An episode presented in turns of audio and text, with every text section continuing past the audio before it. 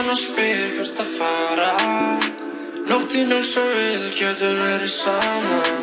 Þar er ekki að vera ég sjálfi fyrir framann hana. Rúla mér eina og við byrjum að tala saman. Tala saman, alla virka daga, millir fjögur og sex.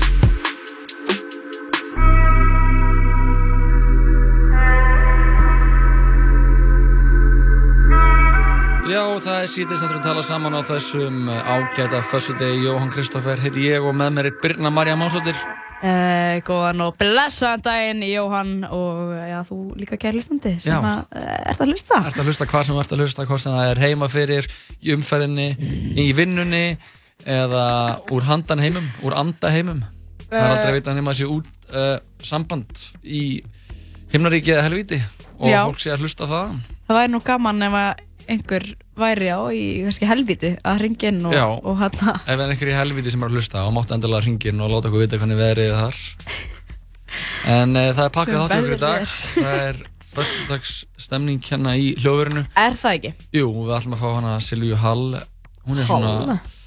frétta sérfræðingur þáttarins.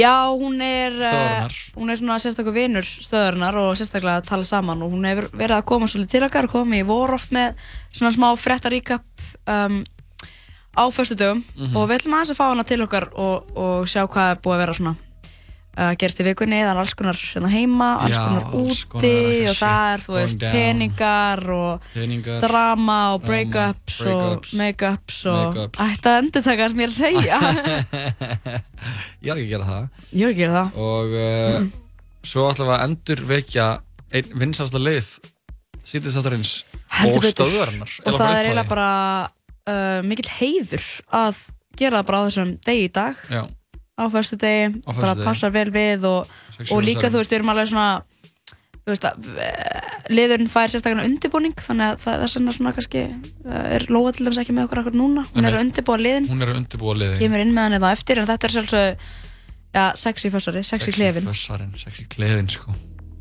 sexy klefin, hann og er það verður mjög gaman að sko. já, það verður virkilega gaman að fá smá comeback frá klefanum Já, klefin er komin aftur og uh, miklu meiri kraftur í klefanum núna sko. Heldur betur En þetta er hérna um, bara þrjusu stemning ætlum við ekki líka bara að spila góða tónlist Jú, fáum það hérna verður- náttúrulega Fáum DJ, hann að jamplaylistan Mhm. Fáum DJ Snorra Ástafs, hann ætlar að koma inn og uh, fara yfir sín svona essential uh, lög fyrir, fyrir gott jam Já. og uh, okkar áhersla í dag verður náttúrulega bara að keira þig kæri hlustandi í, í gang. Það er náttúrulega komin helgi uh, fyrsta helgin í þessum mánuði. Erum við að tala um að fólk sé þá rich þessu helgi?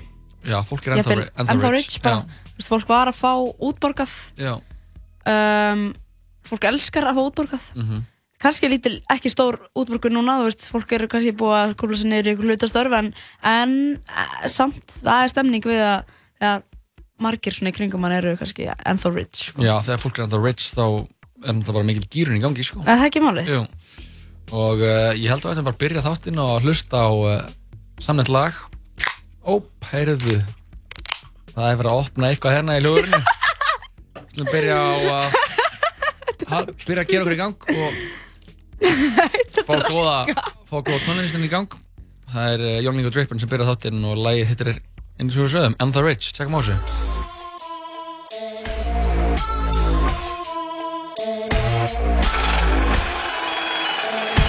Bleachy on the beat. Pull upp með dope boy shit, hvað þarftu? Hvað þarftu? Ha? Hvað þarftu? Hvað þarftu? Hey, ég fokkaði upp þar og tellit allt aftur Ú, ég þarf að tellit allt aftur Pull upp með dope boy shit, hvað þarftu? Hvað þarftu? Ha?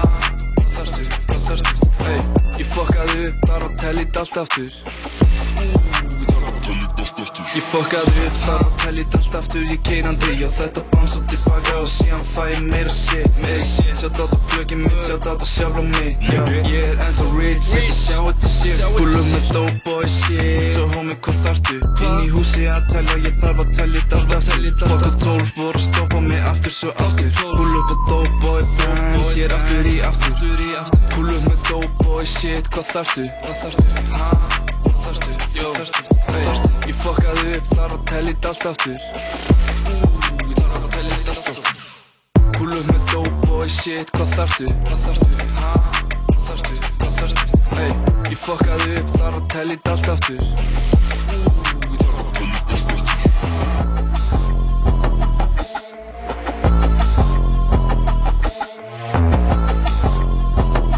þetta money. Ég er ennþá rich, þarfst að sjá þetta sér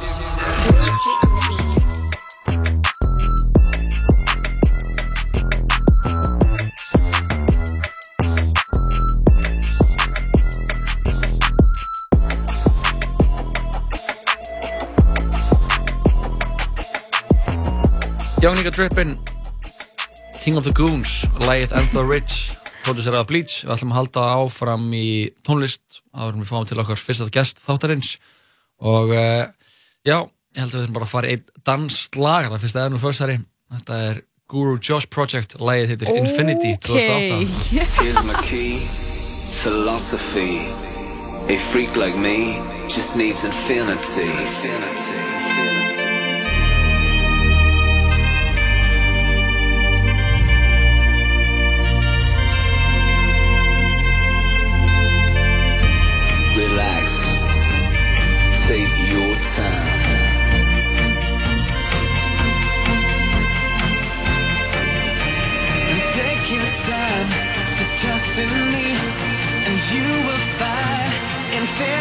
infinity,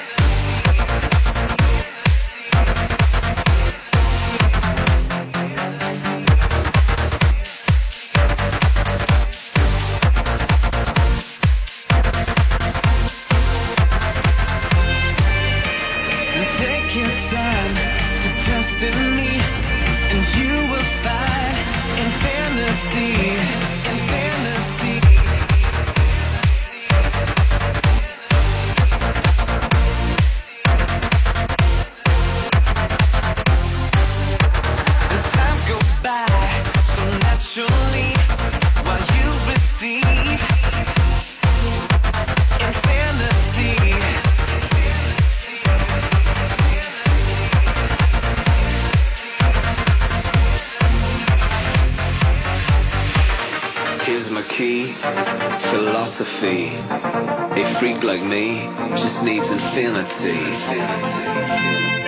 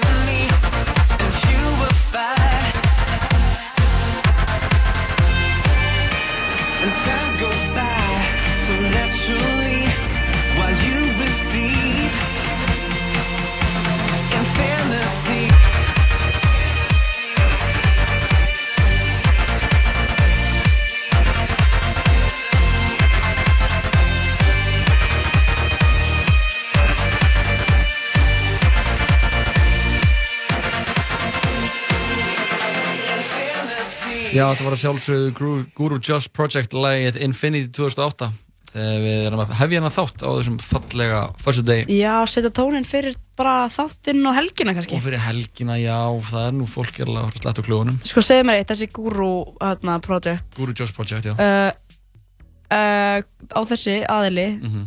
en hljómsveit, einhverja fleiri slagara er þetta bara svona eina leið? uh, Þetta er svona, já, þetta er svona aðallægið þeirra, myndi ég að segja sko. Já, þetta er aðalægið, ok. Já, ég held að sé alveg óhætt að segja það að þú veist ég held að sé, jú, það er alveg einhver fleiri lögana hjá Guru Josh Project en ég held að þeir hafi nú lifað alveg vel af þessu lægi, sko. Mm Jæja, en ég skal segja þér eitt, uh, Jóhann, það er sko Lís fólk er að fara kannski með þetta að, uh, já skemmta sér um helgina, gera eitthvað skemmtilegt saman hvort það sé eitthvað svona Mm. næturlífið eða eitthvað annað. Já, að en eitt er víst Mhm. að á morgun Já, er spáð 18 metrum á sekundu 18 metrar á sekundu það er freka mikið rók. það er ógeðslega mikið rók Já, það Það- er það er alveg hættulega mikið rók. úni- n- úti núna, sko. já, já, en þá kannski svona 5-6 metrar. Mm kannski upp í 7-8 Úff, þetta eru átján þannig að Úff. það er svolítið mikið. Þannig að skulum fara varlega kærlustundur á morgun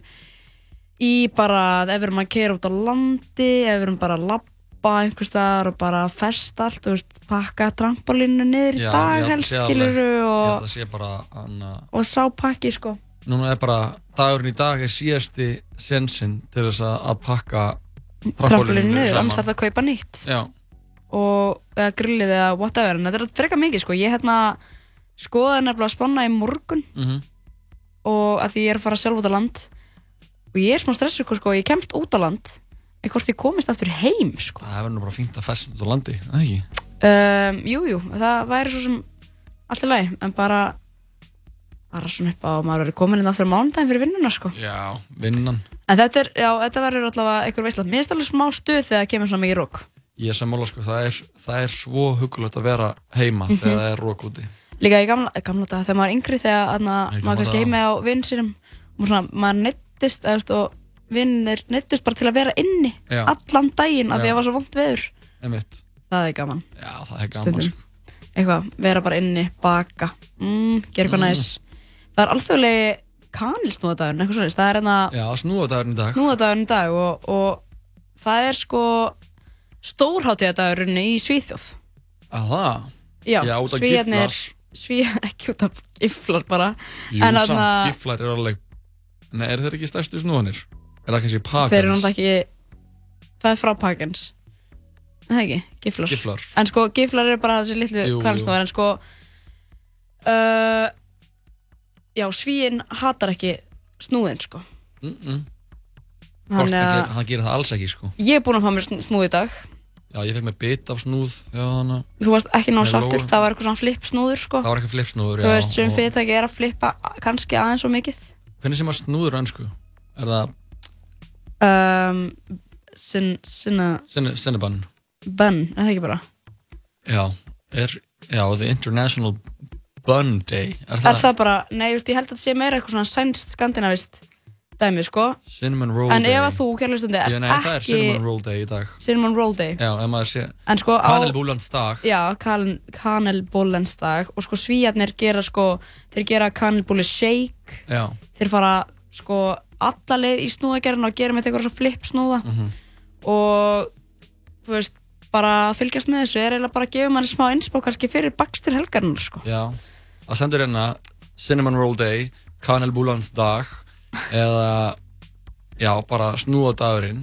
Alþjóðlegi snúadagurinn er 4. oktober hvert ár. mm Þetta er árleg uh, árlegur hátíðsdagur sem haldin er í uh, Svíþjóð og Finnlandi. Einmitt. Og var uh, haldin fyrst árið 1999 af Kaeth Garstad. Já. 1999, það er 20 ára gammal Já, til hafingju já, bara til hamingju snúðar. Á þeim tíma var hún sko verkefnarstjóri fyrir uh, heimbakningsradet eða eh, Home Baking Council heima heima bakstur bakstursráðið ráðið bara, eina sanna er til svoleiðis ráð hérna á Íslandi eða? uh, ég held ekki. Myndi ekki halda það.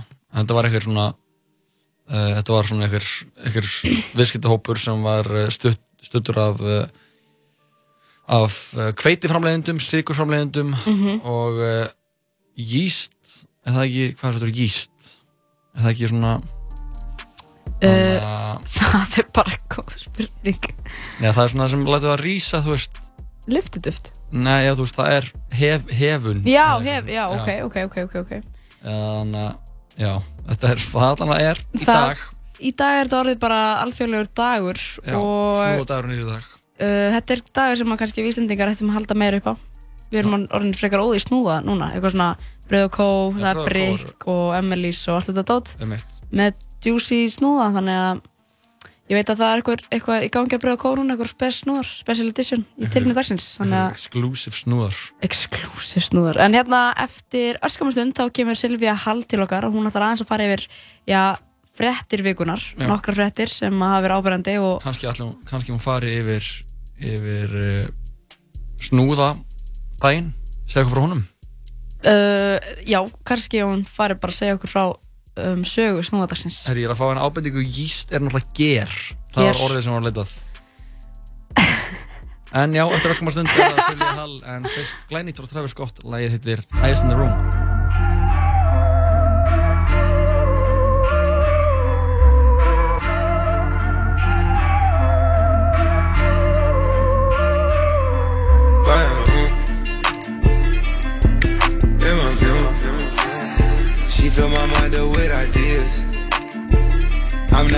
In the room. Hope I make it out of here. She saw my eyes, she know I'm gone. I see some things that you might fear. I'm doing a show, I'll be back soon. That ain't what she wanna hear. Now I got it in my room. Legs wrapped around my beard. Got the fastest car Zoom. Hope we make it out of here. When I'm with you, I feel alive. You say you love me, don't you lie? Don't cry my heart, don't wanna die. Keep the pistol on my side. Cases fumes. She fill my mind up with ideas. I'm the highest in the room. Hope I make it out of here. Ain't stressing about the loot. My block made a of. This not the molly, this the boat. Ain't no coming back from here. Live a life a lot familiar. It's so much gain that I can't see it. Yeah. Turn it up till they can't hear. Running, running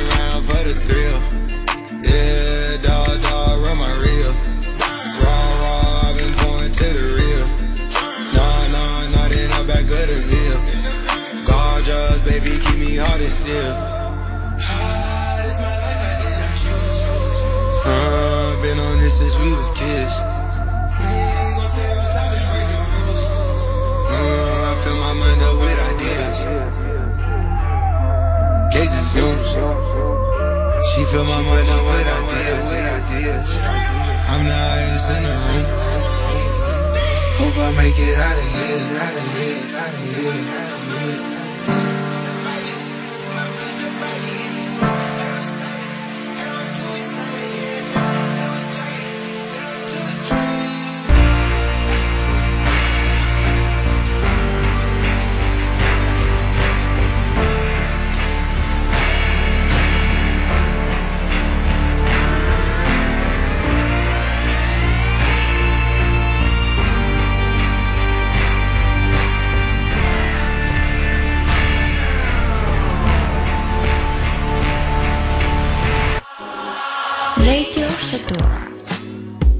Öll 15. kvöld frá 8 til 10 á útarpundur og 1 í bóði íslensku hambúrgarfabrikunar Þryggjastega körfur, pepperoni, grjótarður varnaleikur, piparostur, tæknivillur og jalapeno. Já, Dominós og körfubolti smelt passa saman. Við stundum vaktina í allan vetur í Dominós deildinni. Vertu með Dominós. Eins og boxbardagi tveggja stórleikara. Yngvar E. og Hilmi Snær saminast loksins aftur á hvíta tjaldinu. Hvítur hvítur dagur. Komin í bíó. Hamburgerabúla Tómasar. Nú verða stektir hambúrgarar. Hamburgerabúla Tómasar. Nings, nings, nings. Kíktu við. Nings. Here I come. Anybody order fried sauerkraut? Níunda kvikmynd Quentin Tarantino Leonardo DiCaprio I'm Rick Dalton Brad Pitt Here comes trouble Charlie's gonna dig you Once upon a time in Hollywood Komin í bíó Hlustaðu á okkur á netinu á 101.life Já, sítið sættur sem tala saman heldur hér áfram. Við erum komið með góðan gest til okkur í hljóðverið við Birna Marja. Silvía Hall, verður hjartanlega velkomin. Kæra þakkir. Hefur Hall Já, hvernig ertu í dag? Ég er bara fyrir góð sko. Það er fössari. Það er fössari í mér, svona Mhm. smá nostalgía kominga á fössara. Já, um en fyrir þá sem ekki vita, þá er Silvía ekki fyrsta sinna að stiga inn í hljóðverið hérna til okkar, heldur hún hefur hérna verið áður, uh, fastagestur í Tala Saman og uh, farið svona yfir það helsta í fréttum og nú ertu komin aftur Þú svona fréttarittari. og ert Já. frétta, eða svona hvernig, hvernig ég orðað þetta, svona þú ert frétta njósnari Já, fyrir hundraðið. Fyrir Já, 101. já. Ég, ég dvel mest í herbúðum vísis Já. og stöðu 2 Einmitt. og sæki upplýsingar mín að þanga. og færð þarna líka borgaður á þeim, um mynd Já, ég svo ég að segja frétti það líka, þannig að þetta er svona, þetta tvinnast vel saman. Sko. En þú ert frétta kona Já, ég er fréttakona. Ég vinn fyrir uh, stöðu 2 vísi á bylgina, Mhm. mest magnis á vísi, Já. en það er alltaf á netinu í dag. Netið er framtíðin. Kynnslóðin ágrís, þessi kynnslóð sem Þetta er að koma. Það er bara netið. skján Nei, Þú ert komin inga til okkar til að aðeins að fara yfir hvað það er er búið að frétta í þessari viku Já, ég ætla að segja hvað er búið að frétta. Um, við, það er búið að vera alls konar fréttir þessa vikuna. Mhm. og, en það er fyrstæður og við nennum ekki að tala um fólk sem er að tapa peningum og eitthvað svona, við viljum aðeins vera léttari. Mhm. Þannig að þá, ég ákvað að ræða við eitthvað svona sem er vika kannski mestan áhuga á ungu fólki en samt alveg þvert yfir sko, það var verið að skrifa undir samgöngusáttmála. Mhm. Er þið búin að heyra um hann? Einmitt, betur. já, maður heyrði eitthvað. Ég hef heyrt eitthvað um hann en uh, ég get ekkert mikið sagt um hann samt Þetta er bara sex sveitafélag á höfuborgsvæðinu og ríkistjórnin sem skrifa undir sáttmála. Þetta er Garðabær, Hafnafjörður, Kópavur, Mósesbær, Reykjavík og Seltjarnanes. Þau undirrituðu hann sáttmála um uppbyggingu á samgöngu innviðum á höfuborgsvæðinu til 15 ára. Og þetta er 120 miljardar sáttmáli. Mhm. Þannig að þarna er ríkistjórnin og þessi sveitafélag á höfuborgsvæðinu búin að leggjast á eitt að við ætlum að byggja upp samgöngur og við ætlum að finna leiðir til að gera hann léttara því að ég held líka bara í haust þá hafi allir fatt að heyrðu, það þarf eitthvað að gera. Mhm. þú veist þess að háskólinemar þú veist það eru alltaf margir á bílum það er allir einir í bíl Já. en samt er allir gett hissa á því að það taki 2-3 tíma að komast heim á staði. Þannig að þessi sáttmáli það er svona upplegi er leita leiða til þess að draga úr þessu og gera samgöngur almennt þægilegri Mhm. og af þessum 120 miljón fara 50 miljórar í borgarlínuna sem að er fagnarefni fyrir marga því að búið að tala fyrir borgarlínunni í nokkur ár. Og Mhm. núna er hún bara að verða veruleika. Það er Mhm. búið að gera hann sáttmála. Stærstu sveitafélagin eru með. Þetta var basl í mismundi sveitafélagum svo lengi að samþykja þetta. Og þetta var svona vafa mál en núna verðist bara komin almenn sátt um það að þetta sé einhver aðgerð sem að á að fara í. En það vitum við það öll bara í svo stóru samhengi að almennsamgöngur eru eitthvað sem þarf að fara að líta til af því að þú veist, bæði með lofslagsmál og umferðamál þú veist, þá getum við ekki trist á engabílinn, þú veist, við getum ekki alltaf til þess að hver einasti íbúið tristi á engabílinn í öllum sinni ferðum, sko. Nei, það er bara meikra engan sens. Nei, af því að, að því, þú veist, við sjáum það allir sem hafa verið einhver tími í útlöndum að þetta þekkist ekki þar. Nei, mitt. Það þekkist ekki að krakkar sé að kaupa sér fyrsta bíl 17 ára. Nema í bara Los Angeles, það Já. sem er alltaf umurlegum Nákvæmlega, við sjáum þetta að Reykjavík hefur rosa lengi verið byggð upp sem einhver stór umferðaborg á bandarískum skala Mhm. Mhm. sem að kannski hendar minn og ég held að flestir, sérstaklega íbúar höfuborgarsvæðins vilji, það vilji að borgin sé meira í takt við það sem við þekkjum á Norrlundunum Mhm. það sem að fólk getur nýtt sér alveg samgöngur hvaða dag sem er Mhm. og, og fyrir þá sem hafa verið búsettur erlendis það er oft mesta sjokki fyrir það á hvað þau þurfa að treysta mikið á einhver bílinn Mhm. eins og þú veist þegar ég bjóð Erlendis þá var það bara mjög mikið sjokk fyrir marga að ég ætti bíl heima Mhm. og það er treyst á hans sín ég fekk bílpróf og jafnvel sko að þú er bíl en þú er ekki kannski íbúð Nei, það er miklu Mhm. þekktar að það er einmitt að fólk flytja út fyrir að fara að legumarka þannig að ég held að það sé mjög raugrætt skref að við förum í þessu uppbyggingu á almenningssamgöngum út af því að, að því það er bara langumhverfisvænast það er langþægilegast og, og engabílinn tekur bara mesta plássið En þarna, þessi samgöngu sáttmáli um, það er þessi borgarlína sem að fælst í honum Já. en hvað er meira? það er uppbyggingur á vegum Mhm. og það er kannski það sem hefur debatur eitthvað mest það hefur verið mikil gaggrinn á sáttmála sérstaklega frá þeir sem tala mest fyrir almenningssamgöngum út af því það fer svo stóri hluti á þessum peningum í það að byggja upp vegi Mhm. fyrir engabýrin Mm. og þannig verið að tala um söl á Kjeldnalandinu og byggja þar veg og tengja fleiri hverfi í gegnum vegi og það er kannski stærsta gaggrinn á þetta að það er ennþá verið svolítið að greiða leið engabílsins Mhm. í staðan fyrir að þrengja á honum af því að hérna að því það er bara margar rannsóknir sína fram á það að því meira pláss sem við gefumst ef við myndum tvöfalda bílagautur þá myndum bara bílaðum fyrir tvöfaldast Nákvæmlega. mm -hmm. er þetta ekkert léttari, það er Einmitt. bara fleiri sem færa bíl þannig að það er kannski svona helsta gaggrunin og, og það verðist vera svona, þú veist, það er náttúrulega sátt um þetta hjá þessum sveitafélögum og einhvern veginn eina gaggrunin sem maður heyrt svona hávara er kannski frá oddvita sjálfstafsflokksins í Reykjavík Mhm. sem að hefur gaggrind þetta og hérna en samt er að fara smá skjön við aðra oddvita flokksins í hinum bæjarfélunum því að þessi sáttmáli er að mestu undirritar á sjálfstafsmennum Mhm. og sjálfstafsmenn fara með stjórn í flestum bæjarfélagum á Hauðborgsvæðinu Er, og, er, er það Brynjar Níjarsson sem er Eyþór Arnalds. Arnaldsson, Já. þetta og, hérna, og hann var að tala fyrir því að það er kannski umbuna þeim sem að fjölmenna í bíla sem að margir bendur nú á að það væri bara ein útfærslega strætó sko. Mhm. þú veist, þú kemst alltaf leiða þina þú ert bara með fleiri fólki Já. þannig að þetta, þetta verðist fara svona auðvitað í morga en að því að svo er allir að tala um þessi orkuskipti og nú verða bílar umhverfisvætni í einhverjum tímpunkti en, en sama þó við fæ, myndum fara ferða okkar á loftinu sko, þá breytir það ekki að tíminn er svo sami.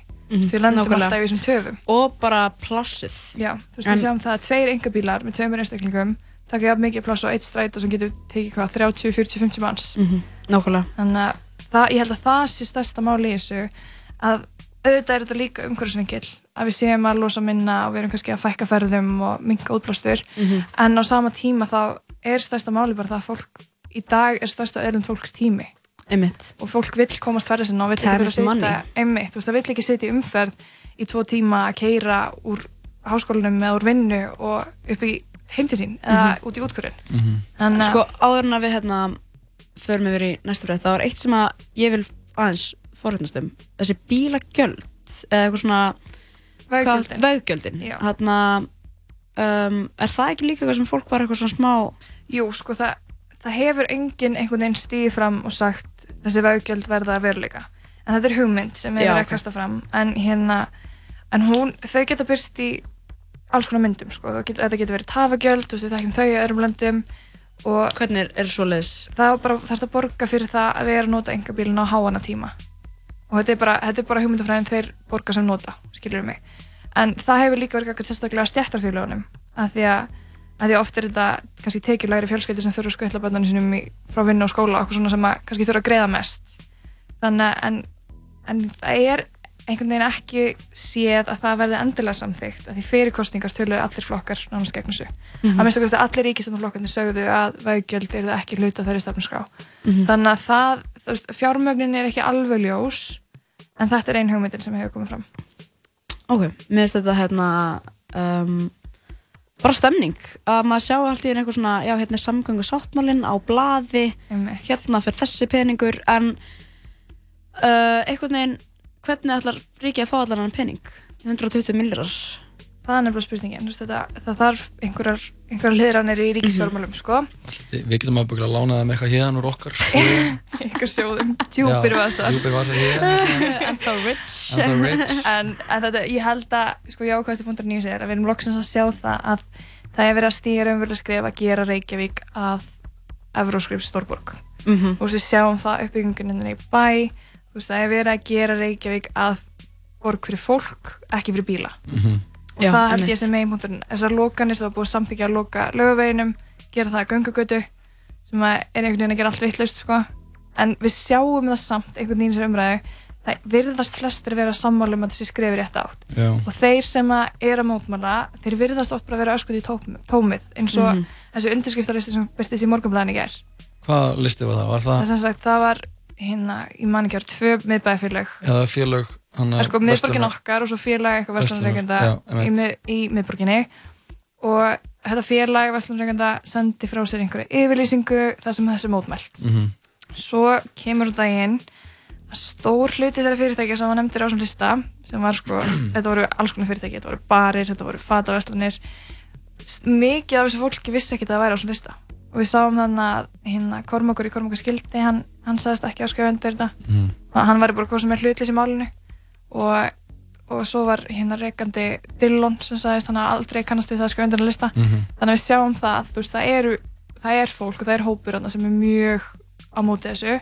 En, en það virðist ekki vera einhver alvöru mótstað ég held að þetta sé ekki eitthvað sem að fá einhverju breytt sko, að því að samstæðan virðist vera í þá átt að við eigum að gera þetta að göngugötu Já, að laugavegurinn verði gangugata. Já, ég held bara eftir 10-15 ár þegar þetta er orðið að veruleika Mhm. að þá mun fólki finnast fárlegt að þú gast keirt niður bara aðalgötur Reykjavíkur Mhm. mm -hmm. við sæjum aldrei bíla á streikinu Mitt. Mitt. Þannig að Það er hálf rétt sko. Líka bara eins og þannig að eins og það er náttúrulega barinn að Monaco sem Já. er frekar ofal á lögunum þau, ég sá að þeir voru á þessum lista Þau voru svolítið hávær held ég líka þegar um, ég bara skil ekki þú veist eins hvað hva, hva þeir fátu því að það er alltaf kannski að fólk kemur alltaf á leigubíl á Monaco Já, eða og er kannski sótt á leigubíl. leigubíl eða ég líka bara sé oft sjúkrabíla eða löggubíla koma á Monaco þannig að alltaf fólk líka á svona rafskullum En svo er einmitt annað, þú veist, að leigubílar eða löggubílar og eitthvað svona, veist, það getur alveg fengið um, meira að. Já, og eins og leigubílar oft líka kannski með eins og hugsaum, tökum það sem dæmi að það er alveg svigurum til þess að bílar komist Einmitt. En, og líka bara flutningabílar og en það, það er ekkert verið að fara að setja bara þú veist, það er ekkert verið að eitthvað hérna að minka göduna en bara ekki leifa held- öllum að keira þarna. Ég held bara að við Íslendingar séum við erum allt of háð bílnum. Þú veist, við sjáum það, við förum alltaf út úr húsinu með að fáum stæði bara upp við húsið sko. Mhm. og maður sér það upp í háskóla, fólk leggur svekar ólöglega upp á stjættum heldur en að leggja malastæðinu sem er 5 metrum frá.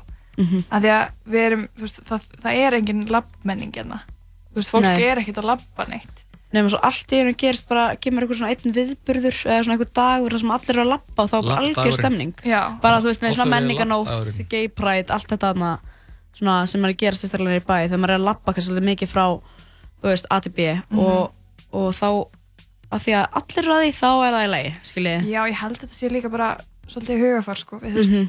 við erum alltaf á síðu stundu þú veist, fólk á eftir að fatta hvað er næs að hafa rúman tíma og geta bara gert hlutina í rólegutunum og einhvern veginn ekkert verið alltaf að fara á síðu stundu og þurfa að staði strax og Mhm. þú veist, við erum alltaf í þessari tímaþreng sko. en hérna en þetta, ég held að þetta skrifir rétt átt lag, eða? Fáum eitt lag og höldum svo áfram. Þú ert með eitthvað frétt um Trump. Já, við erum að kíkja aðeins á það Við þurfum aðeins að fara Við þurfum að þess að ræða það, sko. Rapparenda Baby lagi heitir Bab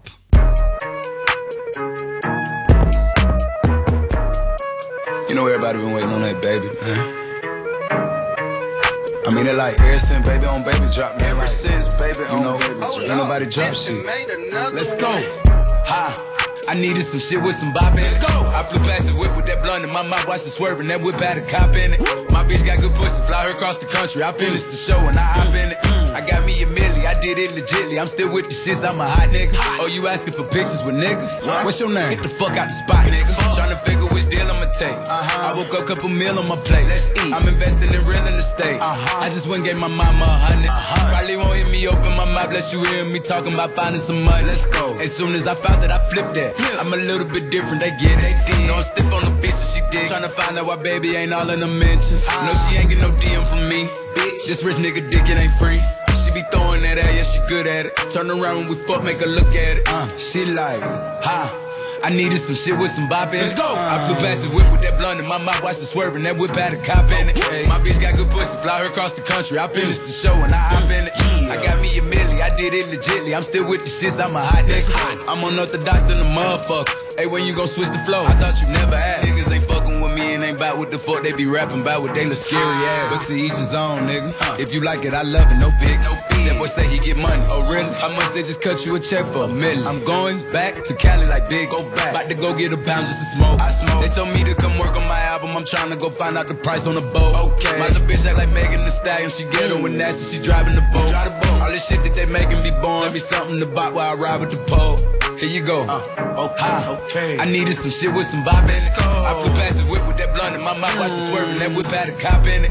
My bitch got good pussy. Fly her across the country. I finished the show and I hop in it. I got me a milli. I did it legitly. I'm still with the shits. I'm a hot nigga. hot.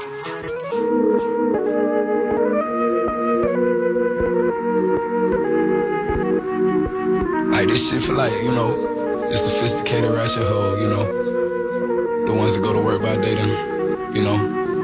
In the mirror by night. Ha! I needed some shit with some bop in it. I flew past the whip with that blunt in my mouth, watched it swerving. That whip had a cop in it. My bitch got good pussy, fly her across the country. I finished the show and I hop in it. I got me a milli, I did it legitly. I'm still with the shits, I'm a hot nigga. Oh, you asking for pictures with niggas? What's your name? Get the fuck out the spot, nigga. Tryna figure which deal I'ma take. I woke up, couple meal on my Þetta var þetta Baby, lagið uh, Bop Þetta er af nýjastu plötu kappans sem heitir Kirk sem kom út bara fyrir hvað Já, akkurat viku síðan. Þetta er mitt uppáðslægið þitt. Uh, já, þetta er mitt uppáhaldslægi mitt. Gaman að segja frá því. Uh, þú ert að sjálfsögða að hlusta á Sítið þetta tala saman með Jóhanni Kristoffer og Birnu Marju. Ó já. Og hjá okkur er sérstakur frétta njúsnari þáttarins, Silvíja Hall. Já. Ég er svo ánum enn ekki. Alltaf heitasta sem gerist í vikunni. Alltaf heitast Við erum búin að fara aðeins yfir hérna Samgöngusáttmálan. samgöngu sáttmálan. Og við erum samgöngu sátt með hann, sko. Sko, góður. Þessi var góður fyrir alla fenningin, sko. En Hérna, yfir já. allt annað sko. Yfir, út í heim. Út í heim. Donald Trump. Ég mitt ræðum hann aðeins. Það virðist ekki líða svo dagur á þess að Donald Trump komist réttinnar. Nei. Þetta er, þetta er hérna, það er alltaf jafn styrlaðan sem fórseti. Mhm. Það er hérna, maður heyrir þetta, maður er svona smáurinn samt eins og, en svo svona áttur maður sig vákaði steikt að þessi maður sé fórseti. En það er sagt alltaf að vera vittlust út í bandreikinum. Út af því að, út af því að demokrátar samþyktu að hefja formrætt ákjærferðli gegn honum eftir símtal hans við Úkrænufórseta, Zelenski. Það sem hann bað hérna Úkrænufórseta um að rannsaka Hunter Biden sem er sonur Joe Biden sem er svona frontrunner Mhm. í, í forvæli Danmarkvöldflokksins fyrir fórstakostningarnar næsta ári og þetta mál er þetta er eina sem er talað út í, um út í bandaríkunum og þú sér það öll svona frétta podcast og allt bara verið að snúast um þetta en það er þetta svolítið stórt mál því að þetta er svo kallar impeachment ferli það sem að er ha- þú veist, rannsókn hafin gagvart fórseta þetta er svona tól til þess að koma fórseta úr embætti Mhm. en það hefur aldrei raunverulega gerst. Og það er margt áhugavert í þessu með Trump til dæmis það að þetta verður aldrei gert á fyrra kjörtímabil fórseta og í bandaríkjunum megi fórsetar bara lögum samkvæmt ekki sitja lengur en tvö kjörtímabil. Mhm. en hérna en þetta er fyrst skipt sem þetta kemur upp á fyrra kjörtímabili og þetta er eitthvað sem margir demokrátar hafa, sérstaklega frálstendir demokrátar hafa kallað eftir en Nancy Pelosi sem er leiðtói demokrátarflokksins í fullróðildinni sem er svona neð- neðra þingið Mhm. hún loksins samþykti þetta eftir þetta símtal að ég bara pressan var orðin og mikil það var bara of mikið búið að samna saman en sem sagt í þessu símtali þá byrjar hann fórsetunum að rannsaka Hunter Biden að því að þessi Hunter uh, satt í stjórn einhvers konar orkufyrirtæki sann í Ukrænu Mhm. Og, og þetta tegir ángasum svolítið við það og, hérna, og það er alls ekkert víst að þetta einhver tíman fari í gegn sko.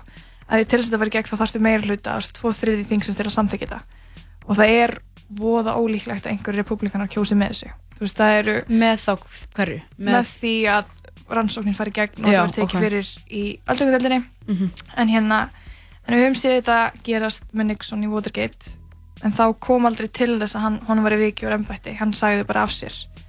Og það var oft talað um The Smoking Gun sem var svona helsta sönnunagagnið í þessu. Og, og þegar það kom fram þá sagði hann bara sjálfur af sér. En Mhm. í þessu tilfelli þá tala margir um hvítahúsi sjálft steg fram með hérna afrit af símtalinu. Sem síndi öll samskiptin. Og, og það er einhvern veginn fólk er ósamáli um hvort það sé sko, hann hafi gert eitthvað sagnamt af sér eða ekki. Að því í rauninni tala já, hann tala aldrei beint um veist, að það væri einhver samningur veist, að því hann lofaði einhverjum fjárhagslegum stuðningi gegn því að hann myndi rannsaka. En það er svo gráð svæði því að veist, hann býður það aldrei beint í skiptum Mhm. fyrir rannsóknuna hann segir bara þið geti gert okkur greiða. Þannig að en þetta er svona stórmáli aðræðandi kostingana því að að því pólitíska landstæði í bandaríkunum er svolítið óvíst núna veist, við erum að sjá það að demokrataflokkurinn er að færast lengur til vinstri republikanflokkurinn er að færast lengur til hægri og þessi fjólubláu svæði sem eru þessir hófsömi miðjumenn Mhm. sem eru svona swing votes þú veist það þeir sem eru hægri sinnar eru ólíklega að fara til demokrataflokksins og öfugt en, en ástæðan fyrir því það var aldrei tekið til neina aðgerða fyrir núna er það að þau vildi haldi í þessa hófsömi miðjumenn demokrataflokkurinn Mhm. Þú veist, þau vildi ekki íta þeim frá sér og það endur speglast svo mikið í forvalri til dæmis að við erum ekkert að sjá neina rosalega hugmyndafræðilega baróttu þar innanbors við erum með hana tíu kandidáta sem að í rauninni standa eftir Mhm. sem að eru líklegir til árangurs og halda áfram í kappræðanum en, en þeirra á milli virðist ekki vera mikill ágreiningur. Helsta ágreiningsmáli virðist vera getum við nota kerfið eins og það er eða þurfum við bara að sprengja það upp veist, og, þú veist, svona kerfisinnanir eru, þú veist, Kamala Harris, Joe Biden og svona fólk sem er búið að vera lengi í Washington og trúir á að það sé hægt að gera lagfæringar á kerfinu eins og það er þurfum ekki að slíta allir sundur en svo sjáum við þess að sem að eru á móti kerfinu sem vilja alveg breytingar og vilja í rauninni bara breyta grundvallar þáttum í bandarísku stjórnarlandslægi Mhm. og þar eru við með Elizabeth Warren og Bernie Sanders Mhm. og þannig að það eitt og sér er mjög áhugavert það verður kosið núna í vetur. Og við sjáum það valið fyrir fram núna í vor. Og þá kemur þessi deila sko er það betra fyrir demokrataflokkin að taka eitt svona fylgdæðsleisan kandidat eins og Sanders eða Warren Mhm. gegn öðrum þannig kandidat? Af því að þessi barátta var líka í fórvalinu síðast. Mhm. þar voru demokrater með Hillary Clinton sem er bara kerfi sinni, hún bara búin að vera lengi í Washington, þekki stjórnmálinn og kann á kerfið og vill svolítið viðhalda því. Mhm. hún vill ekki breyta of miklu. Og svo vorum við með Bernie Sanders sem er náttúrulega bara mjög róttökur og hefur alltaf verið. Þannig er, hann var sko ljósárum á, undan sinni samtíð. Mhm. þannig að, og svo hefur verið republikanflokkin sem var líka með svona hófsaman kandidat. Voru með Bush og svo voru við með Trump. Mhm. og þau veldu sinn róttöka kandidat. Og það virkaði. Þannig að spurningin er sko hvað við munum sjá koma út úr þessu mun, mun þetta vera til þess að að fólk verði reitt út í demokratana eða muni fleira færast yfir Mhm. og þannig að þetta einhvern veginn veldur og svo miklum titringi því líka hefur þetta áhrif á Biden Mhm. Þú veist, þetta er í raun einhver atlega Trump að Biden sem er efstur í skoðanakonum, búin að vera það og, og er talinn svona helsti anstæðingur hans Mhm. þannig að það er spurning hvað kemur út úr þessu þú veist, að því að republikanin sjá þetta þannig að Joe Biden hafi gert þetta af sér á meðan demokratinir sjá hitt Mhm. þannig að þetta er fólk virðist rosa mikið vera í sínum klefum, bara svona echo chambers og bara ég hlusta það sem henda mér og þau hlusta það sem henda sér Einmitt. þannig að þetta þetta er alltaf formlegt ágjörferðli og Trump er ekki sáttu við þetta í rauninni ekki, alls ekki en, en það er bara einhvern veginn tímaspörsmál hvað kemur út úr þessu sko En með þetta símtal og hennan son, Hunter, um, hvað átt hann hafa verið að gera eitthvað svona, bara eitthvað fjármála Já, hann svig? Hann ávist að vera bara einhverjum viðræðum við einhver ólíu fyrirtæki hann í Úkrænu og Eitthvað ólöglegt. Já og þetta semst, upplýsingar um þetta símtal koma fram í gegnum whistleblower sem er bara einhver sem að býr yfir þessum upplýsingum og segist vita á þessu símtali Já. Já. og hérna og þessi whistleblower, ég veit ekki einhver eitthvað uppljóstrari Mhm. hann er búinn að bjóðast til þess að byrja veitni fyrir þinginu Mhm. sjá sig um þetta og einhvern veginn í allt í kringum þetta sko, þú veist, þess að Trump er búinn að vera að læka símtölum að, að það sé verra að vera snitt nei, læka tweetum það að það sé verra að vera snitt seldur að brjóta lögin þú veist, þetta er einhvern veginn rosa mikið hittamál og við erum sjálfs konar vendingar í þessu sem eru þú veist, þekkjast ekki pólitík eins og við þekkjum hana. Nei, þetta orðið bara eitthvað svona þetta er bara eitthvað svona vinsælda keppni og Já, þú veist, og við sjáum eins og með samfélagsmiðluna það er, þú veist það er að breyta pólitísku landslæði svo mikið, að fólk getur bara fengið að heyra það sem það vil heyra. Mhm. þú veist, það er ekki lengur tröst á fjölmörum það er ekki lengur tröst þú veist, það er allir tröst á sannleikanum. Þú veist, það er eins og Mhm, sannleikunum sé afstæður, þú bara trúir því sem þú vilt trúa. Þannig að það og maður ræður ekki eins og hvað maður sér sko, að fatti, þannig að það er líka og, og við, þú veist, það hafa verið geta rannsóknar því að, að fólk virðist frekar kjósa sjá það sem að þau eru sammála heldur en einhvern veginn að fylgjast líka með þeim sem eru á öndurum meði Mhm. þannig að þú veist, það er ógæslega auðvitað að vera fastur í sinni afstöðu þegar þú ert bara að heyra sem þú vilt heyra Emitt. ég held að þetta sé líka bara að við erum komin á eitthvað tíma hann, hann var að tweetaði vídeo hann Trump uh, af sko einhverju mými með það sem hann var lagið Photograph með Nickelback Mhm. var í gangi og það sem textin í læginu er, look at this photograph og það var Mhm. búið að photoshopa einn mynd af Hunter Biden, Joe Biden og einhverjum annar úkrænskum annar orku executive og hann var bara svona, að þú veist, fórsetið bandarækina var að tvíta einhverju mými í einhverjum pólitískum tilgangi þú veist, við erum bara komin Þangað. á mjög skrítna staði Mhm. ég var að hlusta á podcast í vikuna sem voru, einhverju gæja voru að tala saman og segja bara já, ég held að eina leginn til þess að demokrater myndu vinna að þú veist, einhver myndi vinna Trump væri bara The Rock myndi fara Já. á mótanum Þú veist, við erum bara komin þangað sko. þetta er bara, þetta er bara Gríns. vinsældakeppni það er bara drullu sama um pólitíkusa fólk vil bara fá eitthvað fólk sem uh, að þú veist, það vill bara fá eitthvað svona, eitthvað hasar. Mhm, og Trump einmitt. er bara fokkin góður í því, hann er bara hasar kongurinn, hann er bara kemst upp með það. Þú veist, elskur hefur sko. ef þú sér bara myndbönd og Trump rally út í sem svona stjórnismannafundum það er bara styrl stemming. Er hann er bara stjarnar og þetta er, Oh. veist, við erum, þetta er einhvern veginn ég held þetta sé líka því að veist, þetta er komið svo nálægt manni sko. veist, þetta er ekki lengur einhver svona rosa langt í burtu, pólitíkusnir þarna að vinna sitt starf, þú veist, að hafa þetta aðgengi að pólitíkusum í einhvern samfélagsmiðla. Þú veist, þú getur ótrúlega öll að koma þínum skoðunum á framfæri og, og þetta er einhvern veginn búin að skekkja allt og við sjáum all, þú veist, þess að eldri þú veist, að eldri pólitíkus að þeir kunna ekkit á og Trump. Nei, og meðan hann er svona hömlulegs þá einhvern veginn fær hann að vaða fram á meðan allir aðrir að passa sig þannig að ég held að það þessi kostningabarata næsta ári verður öruglega mjög samfélagsmiðla með sko. já, hún var rugglu Einmitt. en þannig að hann verður Trump að sækjast endurkjöri í setna kjörtímumbil og ég held að hlutin sem við munum sjá þar verða eitthvað sem við höfum aldrei séð áður sko. 100% en já, þetta var litla Trump áttum vikunar já, Silja, þakka það? kærlega fyrir komuna Takk fyrir mig Þetta var flókið en þetta en, en þetta var, já þetta var þungmál en þú veist, mikilvæg, mikilvæg samt sem áður já, sko. það er fínt að, að, að ræða þingdina svona aðeins fyrir helgina Þetta er búið að vera þung vika sko. já, það er fínt að taka þetta ekki með sér inn í helgina sko. Nei, nákvæmlega, Ma- maður getur bara sleppt þessu núna Við vorum bara að setja um skuffu og lókunni Mhm. svo er bara gaman um helgina fullt að gerast í menningunni. Þú opnar skufuna mánudaginn og við opnum hana með þér á föstudaginn næsta eða vel Já, mögulega aldrei vita, fáum hérna lægi sem ég rætti hérna rétt í þessu þetta er Nickelback, lægið Photograph Look at this photograph. Every time I do, it makes me laugh. How did our eyes get so red? And what the hell is on Joey's head? This is where I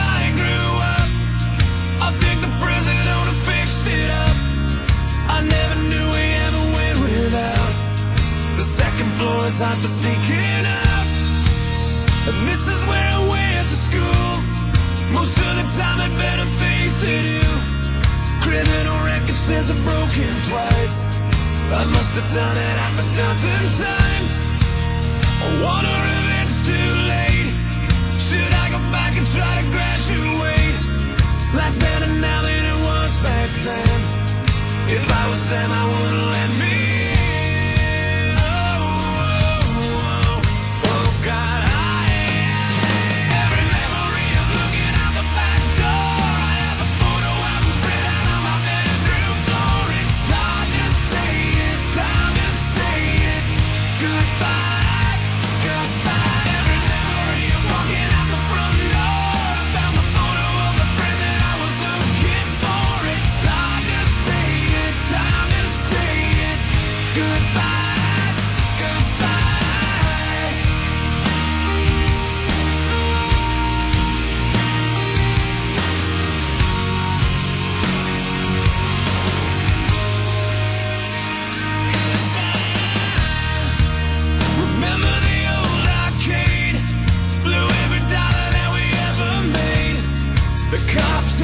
hanging out. They say somebody went murdered down. We used to listen to the radio and sing along with every song we know. We said someday we'd find out how it feels to sing to more than just a steering wheel. And Kim's the first girl I kissed. I was so nervous that I nearly missed. She's had a couple of kids since then. I got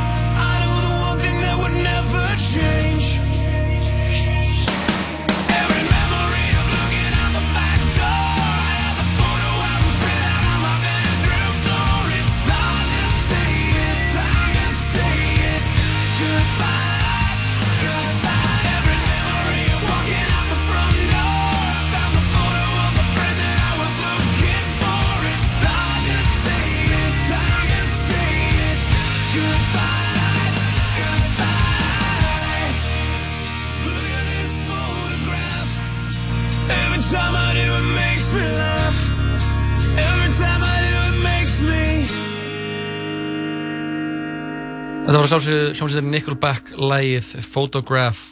Við vorum að kveða hana Silvíu Hall sérstakann frétta njósnara þáttarins. Og uh, já, það er komið að því. Við erum að endurvekja einn vinsarasta lið þáttarinnar, uh, stöðurinnar frá upphafi. Og uh, sem spila stingurinn. Sexy fössari Sexy. Sexy klefin Sexy. Sexy föstudagur Real sexy. Já Já, þið heyrðu rétt, það er sexy fössari, sexy klefinni snúin aftur. Og uh, við erum komið með sérstakann kynlífsráðgjafa stöðarinnar Lóa Björk Björnsdóttir, hún er sest inn hingað í hljóðverið. Lóa, þú ert mætt. Hæ Hæ Hæ, krakkar. Lóa Björk uh, Ég er hér Sexy Klefin mættir aftur og við erum öll mjög spennt Já, veistu Ég er búin að vera að leggast í smá rannsóknarvinnu Mhm. fyrir viðfónsefni dagsins í dag Mhm. sem er um, langur reddit þráður ah.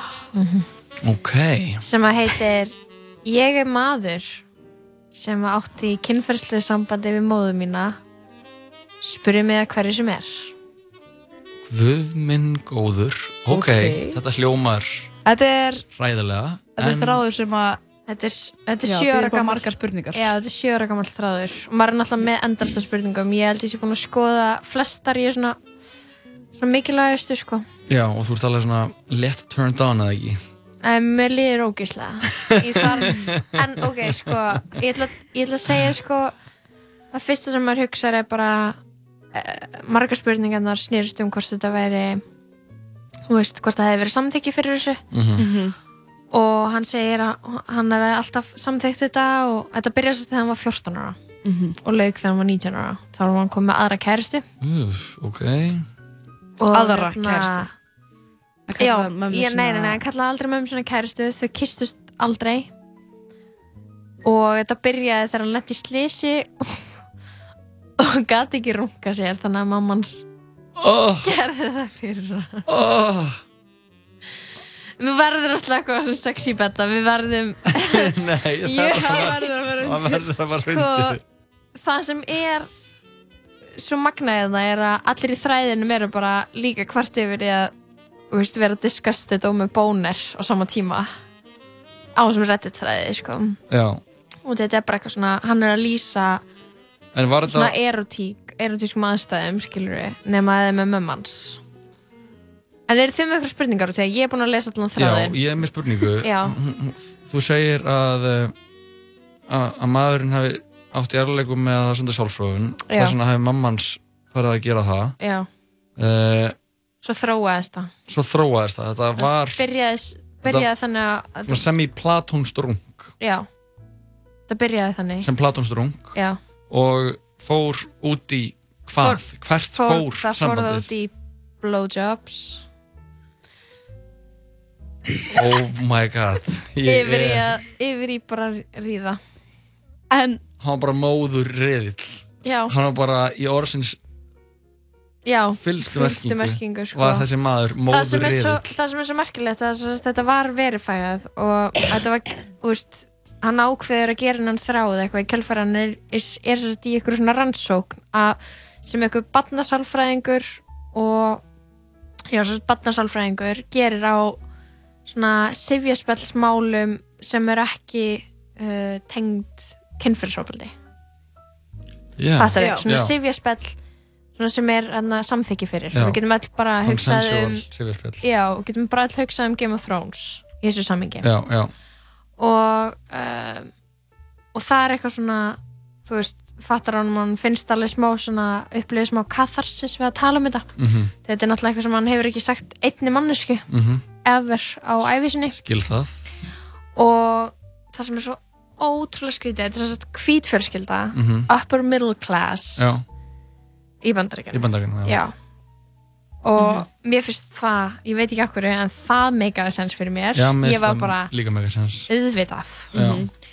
og já, mammans og pappi eh, þetta, hann segir, hann segir sem þræði þetta hefði sko styrt þeirra samband kynferðslega samband Styrt pappans hefði verið og föður. við það að vita að mamma að, hans var að ríða sinni sínum Ok, byrju, þú segir að við komum spurningar. Hérna, Þannig að þetta byrjar Byrjar Ah, þetta svo- svona Byrjar þetta í svona laumi Þú veist, að eða er pappin til þess alltaf meðvitaður um að eitthvað, já, já, nú ferð þú Stína mín og runga sinn okkar. Eða þú veist, byrjar þetta sko, einhver svona hún Hún á á hún á hugmyndina. Hún á hugmyndina? Hún hugmyndina. Hún á hugmyndina. Hann sem sagt verður pyrraður að geta ekki runga sér þannig að hún Hann segir bara handlisbrotnar já, hann bara eitthvað getur ekki þú veist, nota hendina. En Nei, það er bara nei, smá. nei, ekki permanently. Það, þau ákveða sem sagt í saminningu eftir að hann er búin að hann er búin að jafna sig að halda áfram í þessum sambandi Mhm. og þetta ger, var oft bara hverjum degi eða tvisar í viku sem þeim voru Einmitt. að stunda kynlíf og uh, í fimm ár svo, ok, það sem, er svo, það sem maður er að ströggla við þegar maður lesir þetta, maður er bara eitthvað oh, Ég er Ég veit, þetta er að svo- mér- að mér er heyra þetta. óglatt. Já, þetta er Sko ég borðaði þrjá snúða og lasi þetta síðan. Já. Já, bara, Þetta er- Snúðarnir eru búin að vera að færa þess hægt upp sko. En ok, sko þannig að uh, þetta þróast hérna áfram og þau fara að gefa blowjob og þetta er allt samþyggi og, og stuð og gaman. Mhm. og pappin sérst er þetta, meðvitaður þetta eigur þeirra kynlíf í og rauninni. pappin var aldrei eitthvað með Nei, eða það var vist engin afbyrðið sem er aldrei með. Systirinn vissi ekki af þessu og systirinn má alls ekki vita af þessu Nei. og hann er alltaf að segja aftur og aftur í þessum þræði hún er ekki víruð eins og við. Og svo eru spurðir eitthvað horfir á Sifjaspelsklám nei, hann horfir ekki á Sifjaspelsklám það er ekki fættis hjá honum. En maðurinn svaf samt hjá mömmu sinni Hann þarf ekki að horfa á fjögur, fimm Sifjaspels ár. klám, klám hann, hann hann, er living it. hann er sefur hjá mömmu sinni. En svo vist eru þau bara alveg góð og ekkert hefur breyst á þeirra. Þau eru bara hætt að sofa saman og það er bara sama samband og var og þú veist, hann, það sem er svo ó, það sem ég finnst eða skrítnast er bara eitthvað að þú veist, þetta var bara kynlíf. Mhm. og þannig og það, var aldrei afbrýðsemi millir hans og pappans hvorki hann út í pappa sinni, pappans út í hann. Það var bara móður og sonur að ríða er ó- hver, voru, hver eru svona stærstu spurningarnar í þessum þræði? það var alltaf verið að spurja hann eitthvað svona hver áttu frumkvæði, þú veist, hvar, hvað sögðu þið til þess að ríða og það var bara eitthvað svona ef að fara upp Já. ef að fara upp ef að koma upp Einmitt, og bara uh, fyrir manni fjölskylda Wanna Já. go upstairs? Já. og Fer- sýstirinn var ekkert var við þetta nei þess að byrjaði bara ára af því að hún sérst rungaði honum eitt ára af því að það var líka munnmögg og svo ríða í nokkur ár Svo mér finnst þetta ógeðslegt sko. Ég ætla bara að fá að segja það sko. ég veit það líka út af því að Mér finnst þetta að er bara vera svona- fokkin ógeðslegt sko. Þetta er, þetta er bara eitthvað svona dæmi að maður, þú veist, maðurinn er alltaf bara að segja hvað þetta hafi verið jákvæð reynsla fyrir sig hvað Ég þetta bara hefði trúi verið- því ekki Já, hann Nei. er bara, en þú veist, hann bara segja það aftur og aftur og Já, aftur en hann pabb- það aftur og aftur og aftur. og hvað allt gekk vel og hvað fjölskyldan hans er að öðru liti venjuleg Ég skilurðu, trúi þau bara engu að þessu. þau eru trúleysingjar þú veist, þannig að hann fann Trúi því reyndar. Og svo fann hann ekki til neitt skammar í kjölfara af þessu, hann, hann upplega aldrei skömm. Hann, viss, Nei, hann vissi einmitt. bara að hann ætti ekki að segja hennum en skammaðist sín aldrei. Og svo er svo eitt ógeðslega skrítið þarna sem að hann segir eitthvað staðar eitthvað svona já, eitthvað út af því að ég var að ríða mömmu þá var ég ekki þú veist, tók ég aldrei út eitthvað svona kynferðislega árásakirni á stelpum og ég var bara eitthvað svona Mm. heldur þessi Ah, fjölskylda að eitthvað svona, ef að gauður ríði ekki þá eitthvað svona snappir. Incels eins, eins, og, eins og Jordan Peterson eða eitthvað. bara eins og incels. Já eins og incel. Ég veit ekki, þetta er ógeðslega Þetta sé eitthvað spes. svona sem En það er náttúrulega bara incels og incelið sem konsept er orðið bara að mjög viðurkendum hlut í bandarækjunum Hún, þessi móður kom bara í veg fyrir að sonur hann að vera incel. Já, bara komið í veg fyrir að hann væri bara fjöldamorðingi en svo fór ég í kjálfæri að googla þú veist, hvað veri vinsælt uh, vinsælt klám í bandaríkjunum. Og incest er ekki á topp 10 listanum sko. Ekki á topp 20 listanum. Nei. En samt þannig að ég er að followa eitthvað svona meme account sem vinnur líka sem klámstjarna eitthvað gaur, hann leikur eiginlega bara í incest klámi. Og ég er bara svona að hugsa incest klám hlýtur að vera heitt út af því að það er svo ógislega bannað. Æskiljiði Já. og þetta er svona eitt, eitt, eitt svona þeng sem bara má alls ekki, eða Mhm, skilur, mhm. ég veit þetta ekki alveg og en þessi gaur bara svona hann sagði þessi gauð sem svaði mömmu sinni sagði að hann hefði alltaf fundist mamma sín heit bara frá því að hann fættist bara eða þú veist bara mér langar mjög mikið að sjá mynda þessu fólki sko. Mér líka sko, já. en hann vildi ekki svara neinu svona útlitslýsingum eða svona hvernig þau litu út. skil það alveg en mér finnst mjög mjög hérna, áhugavert að setja hana þráð bara að staða yfir höfuð og vera Mhm. um, já, tilbúin að svara Já, og er þarna er svona- fólk oft svona einmitt að kannski koma með þetta svona diss, skilji, þarna kannski færa hann alltaf eitthvað svona smá skömm Ámar að þú veist, já, en hann er allt, hann segist bara skilja að fólki finnst þetta skrítið. Mhm. Þetta er skrítið líka Já, ég veit ekki, þú veist, ég veit ekki með, já, eitthvað svona sefjaspell og, þú veist, já, þetta er ógíslegt, þetta er bara algjör viðbjöður. Já, mér finnst bara alltaf að að segja það að þetta sé bara ógeislegt sko. Já. bara eitthvað að segja bara, já, mér, mér þótti mamma mín alltaf heit og síðan byrjaði hann að fróa mér þegar ég gæti ekki fróa mér í smásund síðan byrjaði hann bara, veitum, með munnmögg og síðan riður í nokkur ár og Mér svo finnst það bara, bætist við, þú veist, að hún sé þakklátt fyrir eða, þú veist, að, mynd, að hún sé þakklátt fyrir þetta þá hann ekki verið orðið eitthvað svona já, árásamæður, ekki- já, þú ekki veist. verið sexuáli fröstuð út í aðra konur og. Einmitt. og, og, og, og, og kynferðsett samband hennar og pappa hans hafi bæst í kjölfarið á þessu Já. finnst þetta bara allt vera wrong Ég meina Mér finnst það spurningu. bara allt fucked up ég meina spurning sem hlýtur á að koma upp núna Mhm. á hann kærustu Hún veit ekki af þessu. hún veit ekki af þessu, ok, en er mamman ekki öfundsjúk? Nei, það var engin Ég trúi- ég trúi Engin því ekki. Engin öfundsíki, sko. Og svo eitthvað svona að þú veist, hún, mamman var á pillunni og svo notaði hann smokk með kæristunni sinni en ekki smokk með mömmu sinni. Oh my god Oh my god Hann var ekki að sofa á mömmu sinni þegar hann átti kæristu Jú, það, það var á sam- í gangi á sama tíma. Og konan hans veit þetta ekki. Hann var að halda frem hjá kæristunni sinni með mömmu sinni Mm og hann var Að rótoka mömmu sína. að rótoka mömmu sína Oh my god Þetta er Já, þetta er gersamlega Þetta er ekki sexy Nei, sko, Nei, ég veit að ég kom á sexy fessara þau með... segja að þau séu að þetta sé allt mjög eðlilegt Já. en veistu ég vil eiginlega bara ábyrgjast það að við myndum hitta þetta fólk að við værum bara eitthvað, já, þið eruð Heldur um að geta séð það utan á fólki hvað það gerir heima á sér? Út af því að það sem ég kom síðan að mm er að fólk fór að svara með eigin sögum. Bara já, ég átti svipuðu sambandi við systur pappa míns. Bara ég, þú veist, eitthvað, svo x 16 ára, hún 36 ára. en þetta er Það er svo ógíslegt. en er þetta ekki misnórkun eða?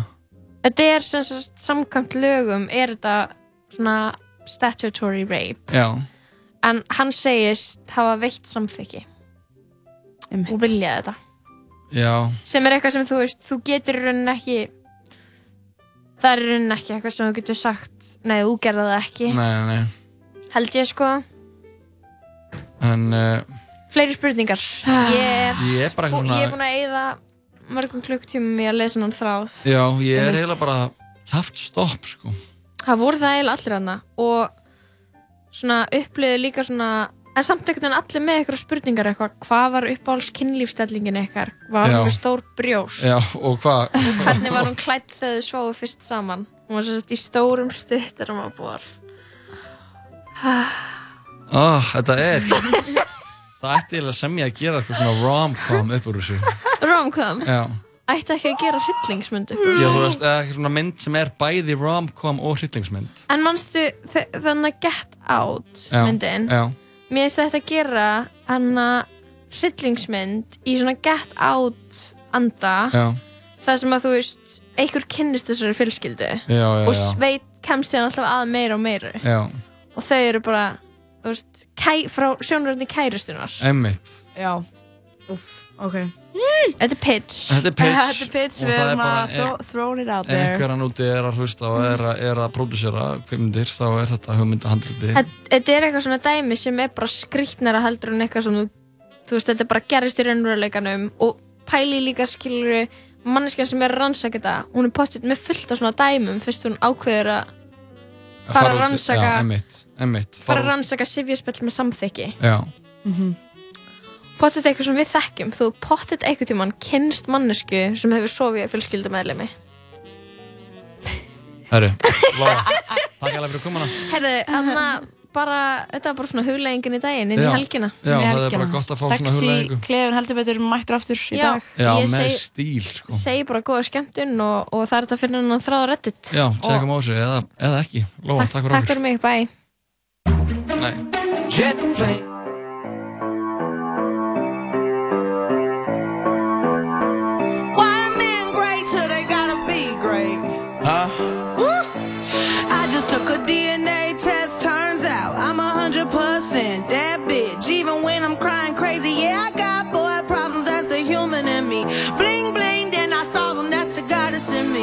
Took a DNA test and it told me I'm the realest pretty chocolate nigga out here with some good D. No cap. And I can have a bitch from Harvard with an eight year degree. I probably still would rather pull up with a hood Let's bitch. go. Uh.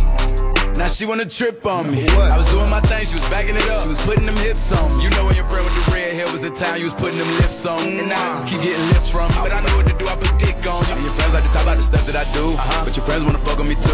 And the way that you treat me, I wanna get even. I'm thinking like, what should I do? Hmm. But I know how you move out of spite. She bigger, I probably might lose in a fight. And I'ma talk my ah. shit, but I'm in love with a big fine ass, so I'ma do what she like. She told me, Why men great till they gotta be great? What you mean? Don't text me, tell it straight to my face.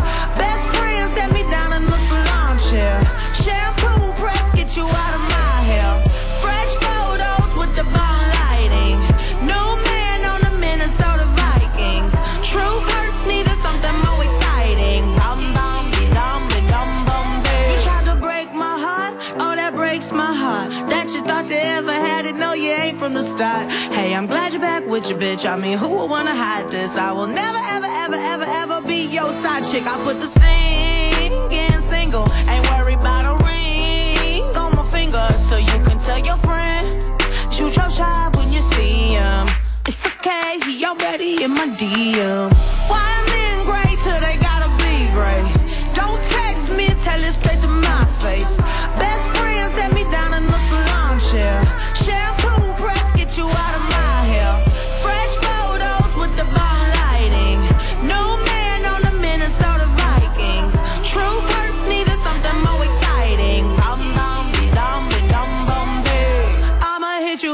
You back in minute. I don't play tag, bitch, I've been it. We don't fuck with lies, we don't do goodbyes. We just keep it pushing like aye aye aye. I'ma hit you back in a minute. I don't play tag, bitch, I've been it. We don't fuck with lies, we don't do goodbyes. We just keep it pushing like aye aye aye.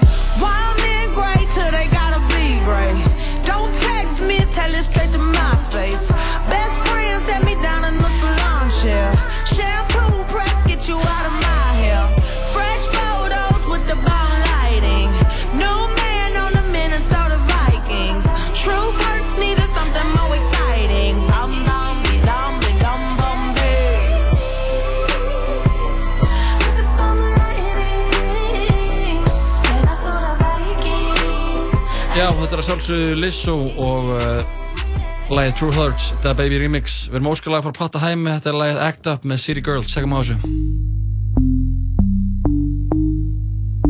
Earl on the beat. Real ass bitch, give a fuck about a nigga. Big Birkin bag, hold five, six figures. Stripes on my ass, so he call his pussy tigger. Fucking on a scamming ass, rich ass nigga. Same group of bitches, ain't no ass to the picture. Drop a couple racks, watch his ass get bigger. Drinking on licking, I'm looking at your nigga. If it's money, why he can eat it like a snicker? I ain't got time for you fake ass hoes. Talking all loud in them fake ass clothes. Fake ass shoes, match that fake ass cold. I'm the realest bitch ever see you snake ass hoe. Act up, you could get smashed up. Act up, you could get smashed up.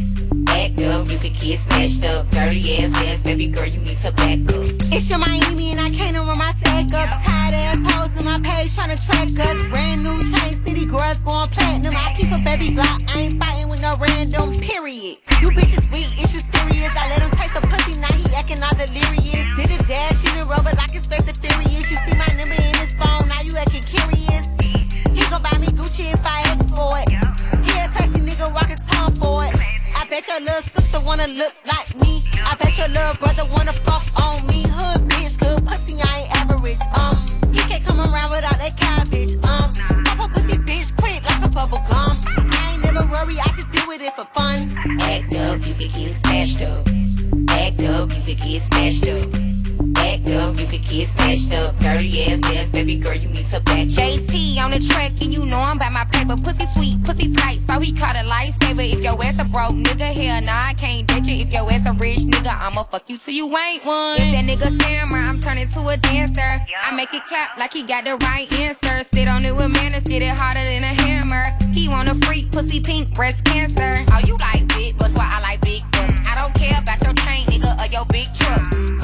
getting it, but if you spinning it, give a fuck what a nigga got if he ain't giving it. Bad, bad ass bitch, bad attitude. Nails done, hair done, ass too. Yo, baby, that he fucking me and sucking me. He don't answer you, bitch, that's because of me. Act up, you could get snatched up. Act up, you could get snatched up. Act up, you could get snatched up. Dirty ass ass, baby girl, you need to back up.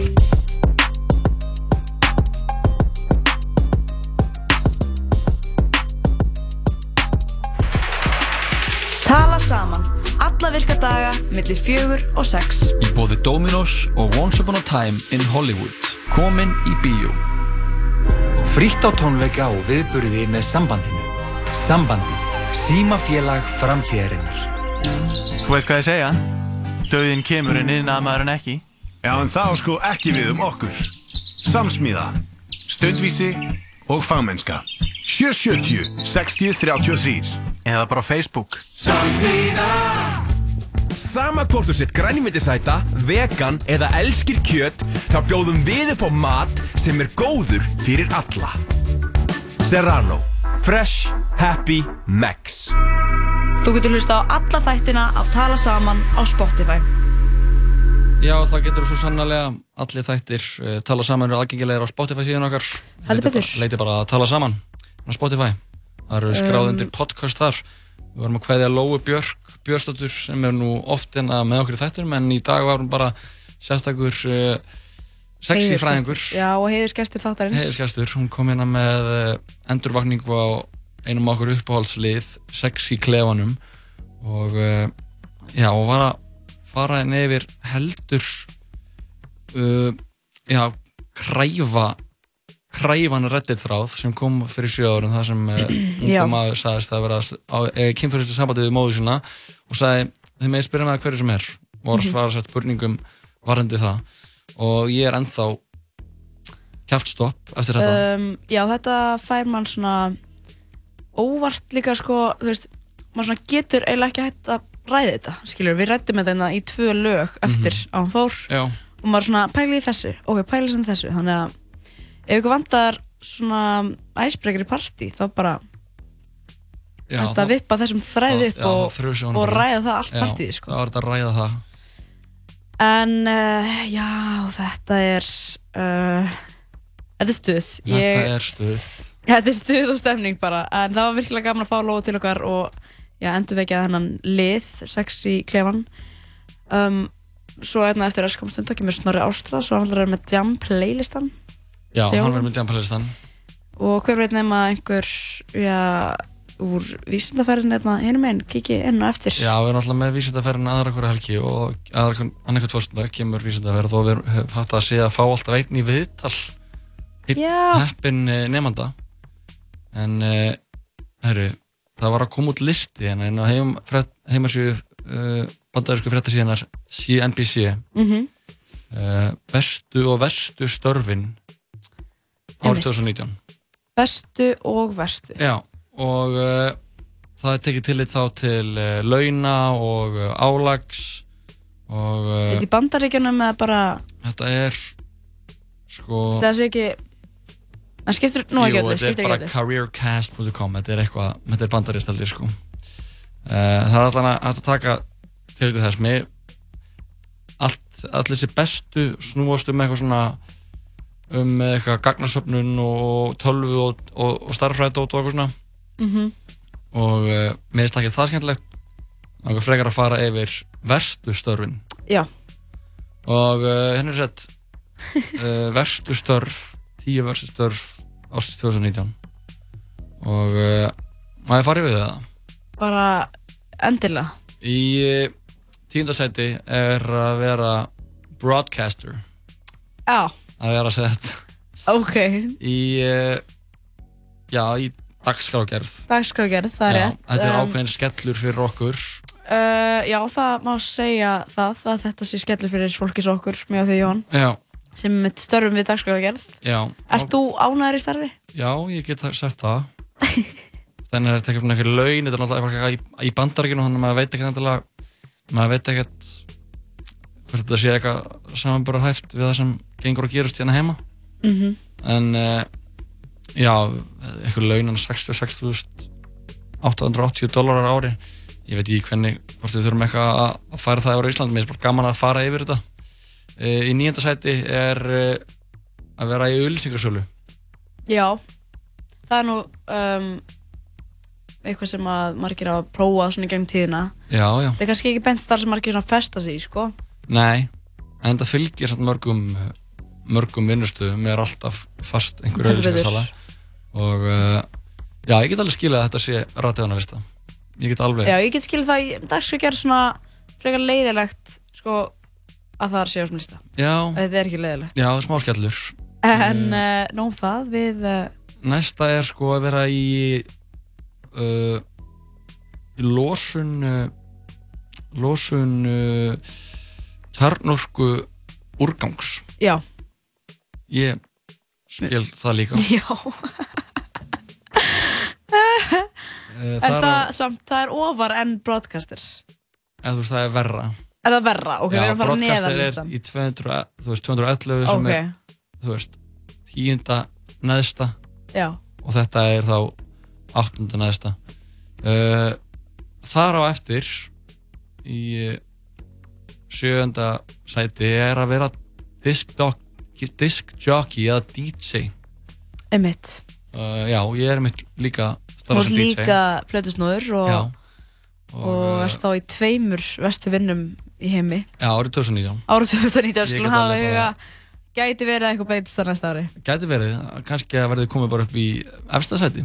Já, hvað en það er náttúrulega þetta eru erfið tímar uh, erfitt uh, og mikið álag álagstími þegar fólk er drukkið sérstaklega þegar þú ert að DJa fyrir Já. fólk sem er út að skemmta sér og sérstaklega fyrir Íslendinga það geta verið, geta verið þannig að mjög lélegra svona að að skinja aðstæður og, uh, og skinja fjarlægt millum Og virða DJ-inn, já, bara virða bara fjarlægt alveg, og, sko. og öskra og fólk er svona hei, mannstu mér? Og ég bara, já, mannstu í alvörunni eftir mér og maður bara, já, ég, ég tala við þig mannstu ekki samt í að- alvörunni eftir mér ég bara, wow, herru, já, ok greinilega ekki. Uh, þar á eftir, sjötta sæti er að vera correctional officer eða að vera fangavörður. Já. Og uh, Gæti alveg trúa því að sérstaklega að maður setur þetta í samhengi við bandaríkin. Já, að það sé ekkert sérstaklega spennandi að vera fangaverður í bandaríkinum mikið álag ábyggilega ekkert sérstaklega góð mikið álag og ekki mikið stuð Gæti alveg trúa að það sé meira stuð hérna heima sko. Já, ábyggulega meiri námt og svona rólegra vinnu umhverju Já, jafnvel. en samt alveg álag en Minna. líka fer eftir hvort maður sér á rauninni eða hólmseði eða, eða þú veist það er nokkuð fangelsi, það er Já. mis mikið álag uh, þar eftir er að vera í hernum Já það er alltaf getur vel já, ég bara trúi því það er bara, ég held að það sé ábyggulega Mér finnst það svona starf. sko að því að svo er bara svo margir sem að sækjast ótrúlega mikið í að vera í hernum Já, það er því að þeir eru líka með mjög mikla svona áróðursvélar úti og er að notfæra sér Mhm, ungt en- fólk sem veit ekki alveg En svo sé maður líka bara fólk frá Íslandi að fara út Mhm. einhvert eða þú veist sem kannski tengist einhverjum öðrum löndum er kannski með ríkisborgarrétt annars staðar eitthvað svoleiðis og fer út og fer í herin þar skilur ég hef alveg, sér alveg Noregs rekst á fólk frá hérna, á Instagram okkar maður rekst á fólk. Og maður er eitthvað svona hmm, hver er bælingin hann Já, fattar einmitt, einmitt. ég bara tengi ekki sko. Nei, ég tengi heldur ekki sko. Uh, Næsta á listanum er þá uh, fjórða versta starf ársins 2019 er að vera uh, fasteignarsali a retail salesperson. Ég trúi því. Að vera að selja íbúðir uh, og hús. Mhm.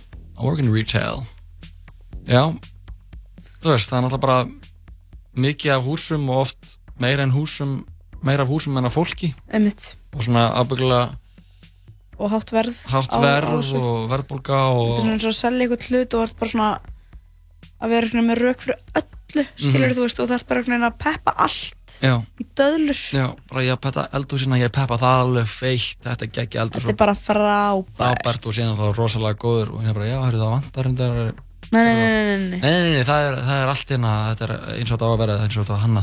uh, Hvað er það á eftir? næst, í þriða, verst, þriða næsta seti er að vera newspaper reporter, eða blaðamaður. Ég meit þess að Silvíja vinkona stöðarnar er. Já, sem var hérna rétt á hann að fara í frétti vikunar.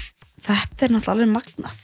Mm Hvernig, uh, þetta eru líka mækja sem störfum eru störf sem fólk sækir í og fólk sem að leggur mikið á sig til að um, fá, eða þú veist, gera svona eitthvað karriér út úr, Já, fattarðu? eins og með DJ Um mitt. og með að verða um, uh, svona hérna í herin, skilur Mhm, mhm. og líka bara nei, hérna news fjölmjölamæður já.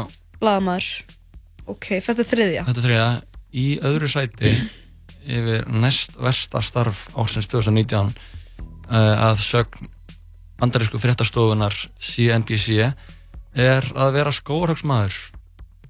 ok, Já, að vera hérna, logging worker heitir það vera að vinna við það að uh, skera niður tré. Einmitt. uh, það er náttúrulega kannski bæði ábyggulega ég ætla að borga aðeins en náttúrulega líka ábyggulega spilar inn í hóvarar rættir í samfélaginu um að við viljum hætta skera niður tré. Já. Og við viljum uh, frekar gróðusettu tré. Mm ég veit ekki hvort að það hafi ein áhrif á hann að lista en það allan er í næst, næsta sæti yfir verstu störf ásins 2019 líka kannski erfitt, þú veist, bara eitthvað þetta er bara svo verið gymmir alltaf daginn skilur. Já, eða með ra Ramax, eða þú ert ekki með Exi sko. Það var svo miklu nettara. Já, bara í svona svona bara, jakka bara, nei bara ekki í ból nei ekki ból bara í einhverju vesti. Ykkur vesti bara. Og versta starfið árið 2019 að sögn bandarísku fréttastofunar CNBC er að vera leigubílstjóri. Já, Já, húf, Já. já. þetta er náttúrulega um, styrlað, sko við erum að tala um að þetta eru hvað 200, á 200 störf á þessum lista og þetta eru tíu neðstu störfin það er ekki rétt sem er jú, tíu næsta stöðurinn já, og það sem sko spilar inn í til dæmis uh, spilar inn í þetta er álægið Mhm. hversu mikill vöxtur er í uh, sko er væntanlegur á þessu starfsviði Mhm. Þú veist, það er verið að líta til ásins 2026 hversu, í prosentum hversu mikill vöxtur verður í þessum geira og til dæmis þú veist, vöxturinn í broadcaster eða vera fréttamaður er bara áallæður 0% já, uh, það verður sam, samdráttur um 4% hjá auðlýsingarsölu fólki það mun reyndar alveg hækka hjá uh, þeim sem sjá um af, hana, úrvinnslu hjarnorkuúrgangs um 17% DJ-ar, diskjockeys munu, það mun draga saman um 9% Mhm.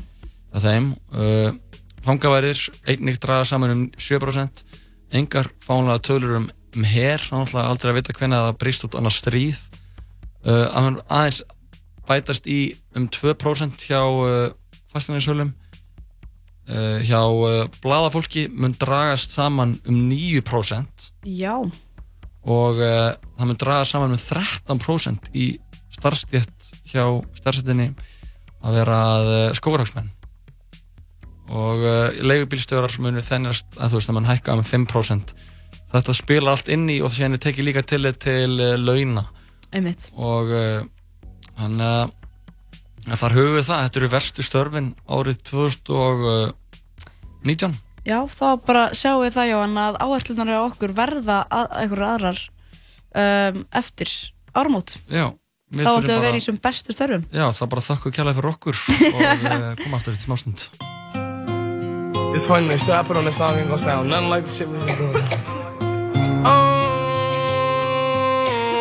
Um, yeah, I just balance, balance, bitches to the bad, balance, money on the down.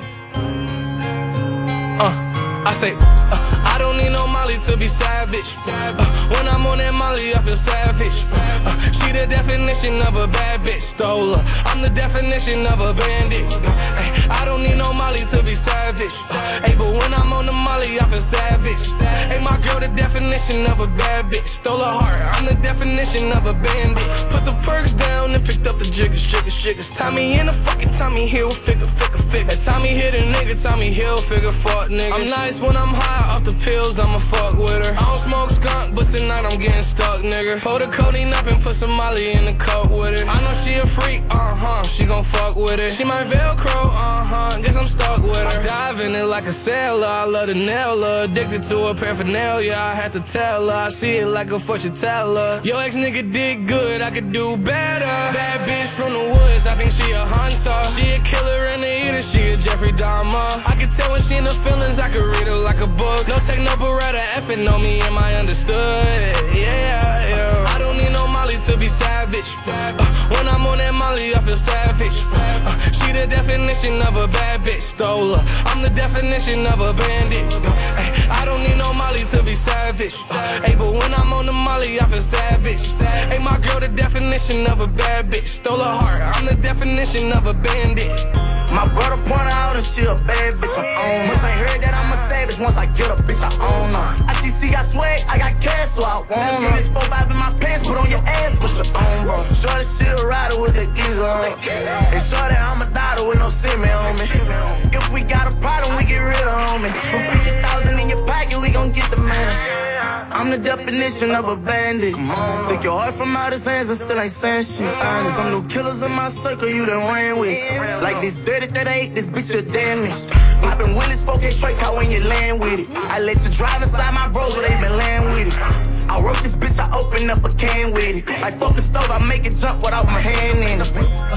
I don't need no Molly to be savage. Uh, when I'm on that Molly, I feel savage. Uh, she the definition of a bad bitch. Stole her. I'm the definition of a bandit. Uh, ay, I don't need no Molly to be savage. Uh, hey, but when I'm on the Molly, I feel savage.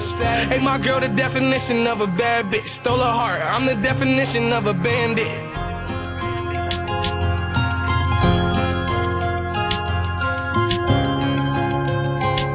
Já, það var þetta Juice WRLD og Youngboy Never Broke Again. Það ætlum að fá eitt annað gott lag áður en fórum til okkar DJ Snorri Ástrás í Jam playlistan eftir öskamar stund. Það er sjálfsögðu drottningin Cher, lagið Believe.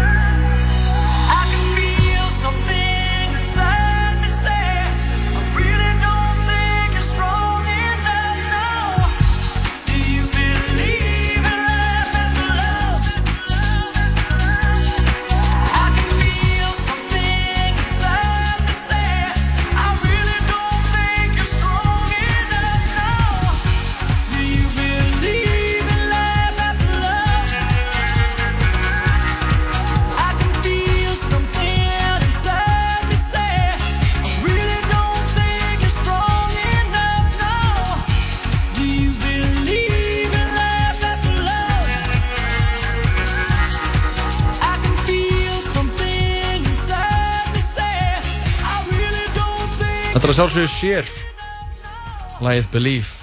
Já. Íkonist Djamlag. Þetta er það sko. Um, Líka að nota svo líka, þú veist, á djaminu Fá sér Aðri ha, Já, fá sér, já, Já. Meitt það er gott að fá sér á djaminu Og hlusta á, á sér. Að fá sér. Að fá sér á tónin Maður fá sér? Mér eru margir að koma, þú veist, þú erum að plöðist nú við erum búin að, að nefna það eins og Mhm. í þessum þætti er, er fólk að koma til þín og byggja um sér á djaminu Já, maður fá sér. Og þá er bara, já, er menn að fá sér? Menn að fá Menn eru ekki að slást hér. Herru, við erum að fá til okkar uh, DJ Snorri Ástarós í uh, Djamplaylistan Eftir öskumastund Við ætlum að fá eitt Eitt snögt lag. Eitt snögt lag. Og hvað ætlar að bjóða mér upp á þanga til? Ég er að- ætla að bjóða bara á uh, Da á- Baby? Nei, rapparan 24-7 Lill- Ok, Já, sorry. til í það? Já, ég er Já, ógæslega til í það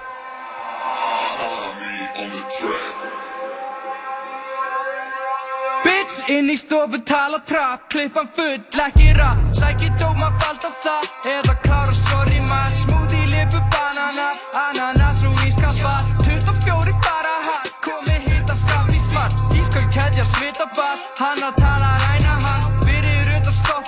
Hoppa inn og keira á stað Var með hlýju eins og úlpa Komi kulda alveg eins og hupa Stelpa flýga alveg eins og dúa Dúa flýgur ekki uglan Komi hitta eins og ströndi Vanda brauðið eins og öndin Bra bra bra Já, fyrst mig vanta brauð Var með hlýju eins og úlpa Komi kulda alveg eins og hupa Stelpa flýga alveg eins og dúa Dúa flýgur ekki uglan Komi hitta eins og ströndi Vanda brauðið eins og öndin bra bra Já, fyrst mig vanta brauð. Bra bra vantar degið, alltaf flottur auðið dreigið Ég sé enga mér sem borin nema að ég horf í speil Ef ég til að verður fegin, hermi ekki á mitt eigið. Þú ert rétt að fara að stað, ég er ólánt gengi gengi. Splæsi nokkur sindi síðan lætir enn í bað. Les ekkert nema Jónas þetta eina sanna blað. Strakar er að fullu en þú veist ekkert um það. Kæðin er svo þunga, hún skildi eftir fað Er þetta test, ha? Fyrir í tögunar á mig hvernig þú ert að láta Ú, með að lista? Ég með brefi þau hittu það að rista. Segir að ég sem er kúlur ass.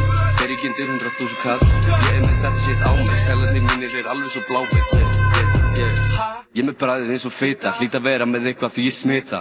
Ég veit alveg að ég með hita Tala við sjálfa mikið en til skila. Ég var með skuld sem var risa Skrifið á mig að þeim svo marga miða. Núna sérðu mikið hika Nenni ekki að búa heima þar að Var flytja. Með hlýju eins og úlpa Komi kulda alveg eins og hupa Stelpa flýga alveg eins og dúa Dúa flýgur ekki uglan Komi hitta eins og ströndi Vanda brauðið eins og öndin Bra bra bra Já, fyrst mig vanta brauð Var með hlýju eins og úlpa Komi kulda alveg eins og hupa Stelpa flýga alveg eins og dúa Dúa flýgur ekki uglan Komi hitta eins og ströndi Vanda brauðið eins og öndin Bra bra bra. Já, fyrst mig vanta brauð. Bí, bí, hvað er eftir kiki?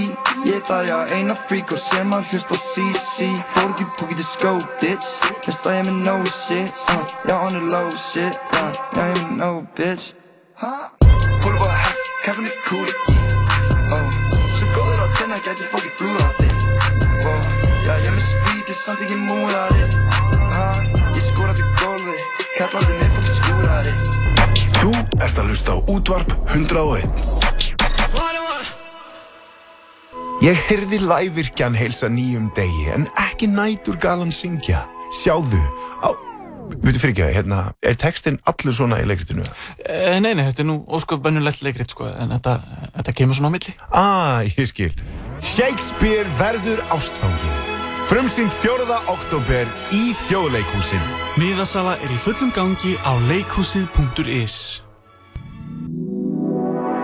Útvarp 101 Já, við erum komin með Snorra Ástrás, DJ Snorra Ástrás í stúdíóið. Já.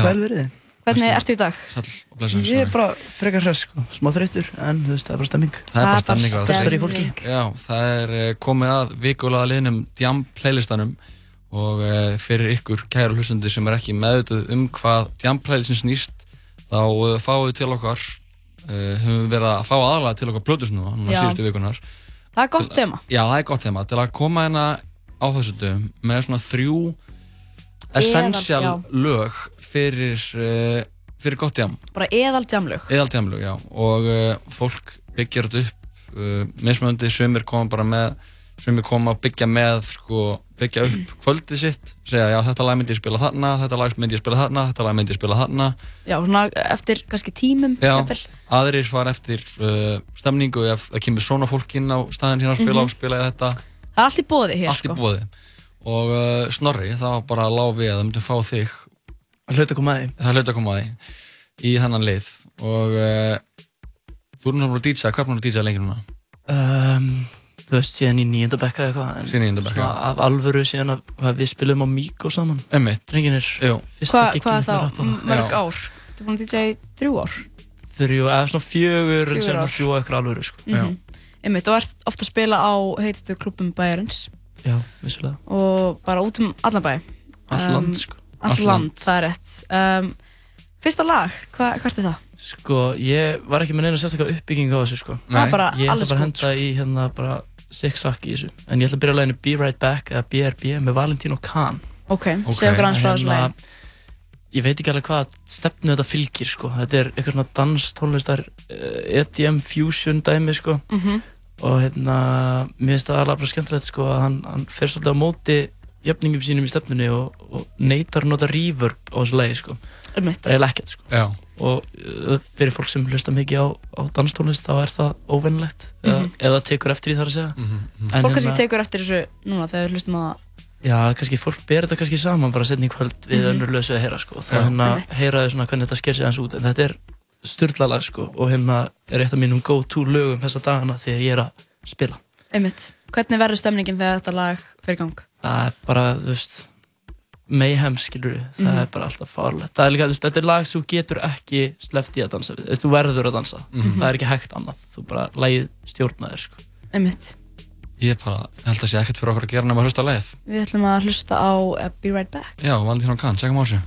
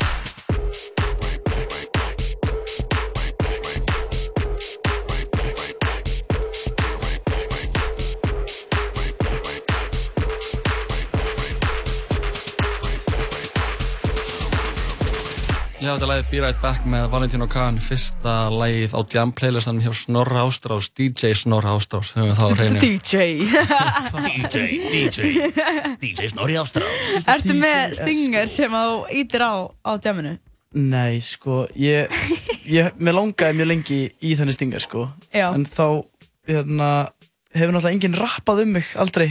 Já. Jóhann, ég er að horfa þig. Hérna, en, en núna. er með, sko, úr Jámarlæginu, sko. Spegill. Hann, hann er eini sem er með svona stingar hérna heima, sko. Ég er bara, ég held að væri of lúðalegt að reyna að koma fyrir þessum þrem orðum inn í einhvern stingar sem myndi make a good sense. En ég, ég skal gera heiðarlega tilhörun og senda hann á þau, pappa. Já, ég fer á klubbin eins og DJ Snorri Ástrás, myndir að taka svona. Bara eitthvað pródusir takk, bara. Já, já. En sko, þetta var, eh, já, frekar bílalag bara. Já, Um, þetta var- þetta var jamlag. Algjört jamlag, þetta er algjört svona jamlag svona þegar að fólk er svona næstu sama hvað er í gangi, Já, það er vill bara hreyfa sig. til Já. að vera bara, æ, fuck it, það er enginn Klukkan er svona hálf fjögur. Já, alveg 100% sko. Vá, þetta var rosalegt lag, sko. En hvað er um, næst, næsta lag? Sko, ég hérna, uh, ég heyrði ekki að þið voru að spila 24-7 hérna aðan, en það er J-Lo með 24-7 og Byrni. Já. Það er svo fucking rugglalag.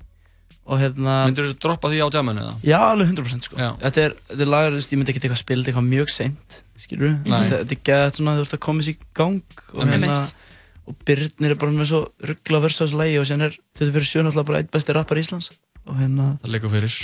Og meðal annars er hann að spila príkin á morgun. Já. Einmitt, eins og, eins og, eins og ég. Er það útgáfu- Sjáðu þetta það, já, það er 24-7 partí. Og hann ætlar sko. að spila mitt í um, uh, bara 24 klukktíma held ég líka. Já, Já, já, næstu því, sko. Og hann er- næstu sjö daga. Já, Þannig jú, að hann er- þannig að Já, Haffi verður bara á príkinu. Við kíkja á hann í morgun og kannski á mánudaginn eða eitthvað. En þannig að við ætlum að uh, hlusta á þetta lag. Hvað, hana, hvað segir klukkan væri hérna? Þetta er svona í byrjun kvöldsins. Já, Byrjun þetta er bara kvöldsins. miðnætti. Já, Jafnvel bara svona sko. hálf eitt Bara eitthvað. veist- ennþá heima. Þú ert í GMT sko og Mhm. það sem komið er í gýrin, þá hérna, þá myndi ég setja þetta í gang sko. Og eftir þetta lag þá fá, verðum við komið með já, einn nefnda hérna inn af því að nú sitja, eða nei, standa hérna já, tugi manns fyrir framann stúdíóð okkar Já. og er í vísumnaferð. Já, og við fáum alltaf einn að annarkvæmt fyrstdag, einn uh, fulltró úr vísættaferðinni inn í hljóðverðið og, og leiðum að spreita sig sem uh, dagsvíkjara maður. En uh, fyrst er það 24-7 og rapparinn Birnir, lagið J-Lo.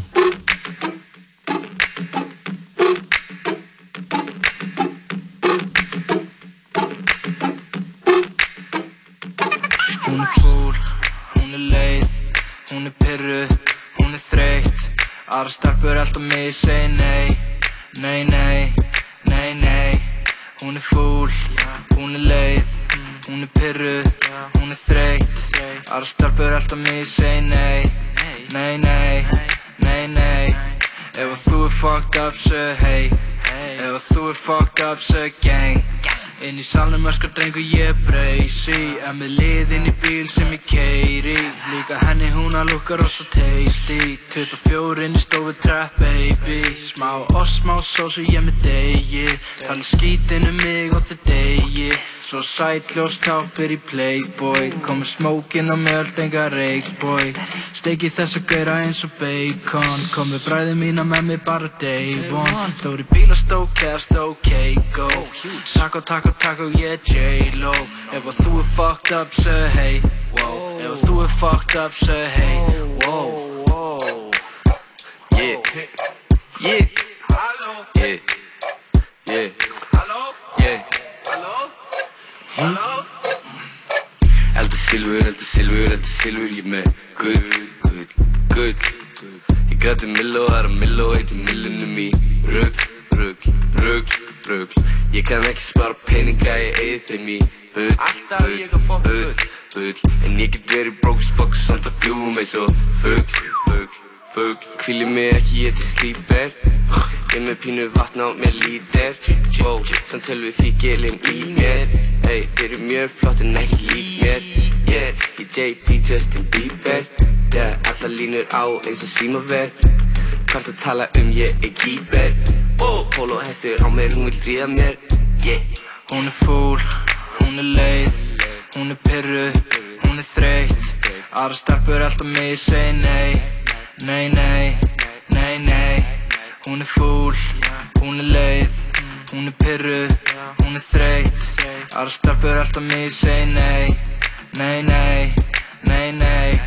Hún er fúl, hún er leið Hún er pyrruð, hún er þreytt. Aðra stelpur alltaf mig segi nei. Nei, nei, nei, nei. Hún er fúl, hún er leið Hún er pyrruð, hún er þreytt. Aðra stelpur alltaf mig segi nei Nei, nei, nei, nei.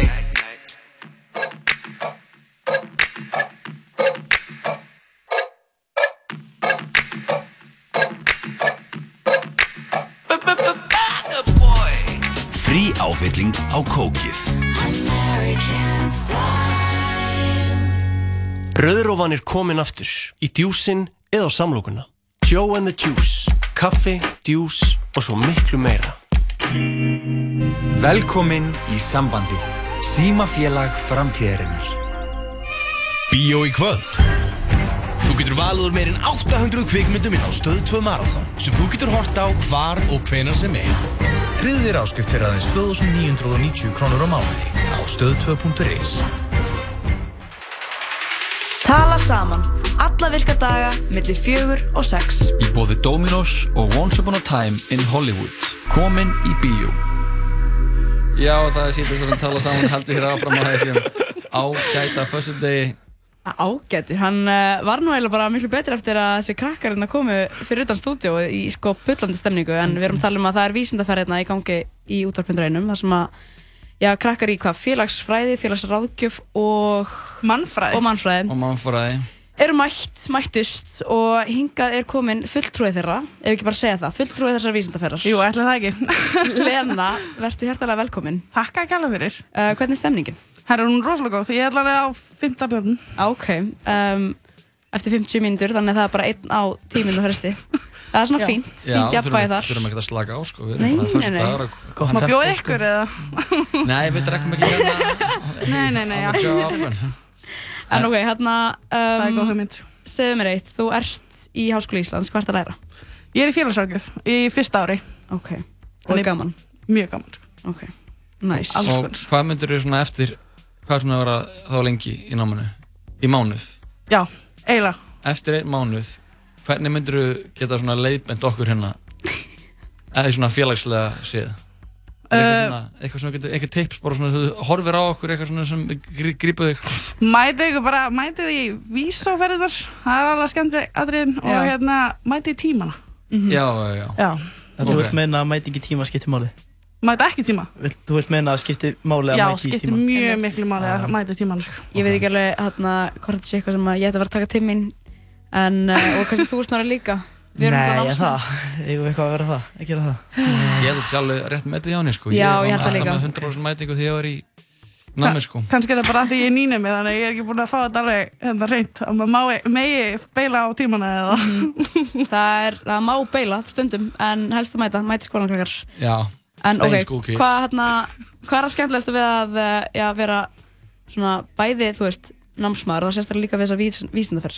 að skemmtilegast eh? Bara félagskapurinn hérna Já Helst Ok Ekkert hvað ég er að gera hérna Já, bara kosin Þú ert kjörinn. Þú ert kjörinn, þú ert Lýðræðislega fulltrúi, kjörinn. já, þú ert Reyndar var ég eitthvað, ég skal fara í út á státt En já Einmitt. Og hvernig er svona típisku dagur í, þarna, í lífun hjá félagsrákjafa nema? Er það... Heildræn, nei, heilræn sín eða eitthvað Er þetta eitthvað svona hugtak í skólanum? Já Horfa á allt Ok. Það skiptir máli, sko Einmitt Ok, ok. Hvað hérna, hvað, ok, uh, hvað vekti til að velja þetta nám? Herri, ég á bróðir sem er sem sagt fallaður og hann er í sambandinu Ok. Hann er óa out. pyrrandi eina og alltaf að ringja Nei Og það er þeirra alveg þess vegna sem ég vildi fara í félagsvækjana því að þess að aðstofa hann og bara fleiri sem eru í vanda með að finna sín rétt í Mhm. samfélaginu og alls konar þannig Mhm. Ok Já, það er mjög mikilvægt sko. Algjörlega Og sko bara svona noble, myndi ég segja. Mhm.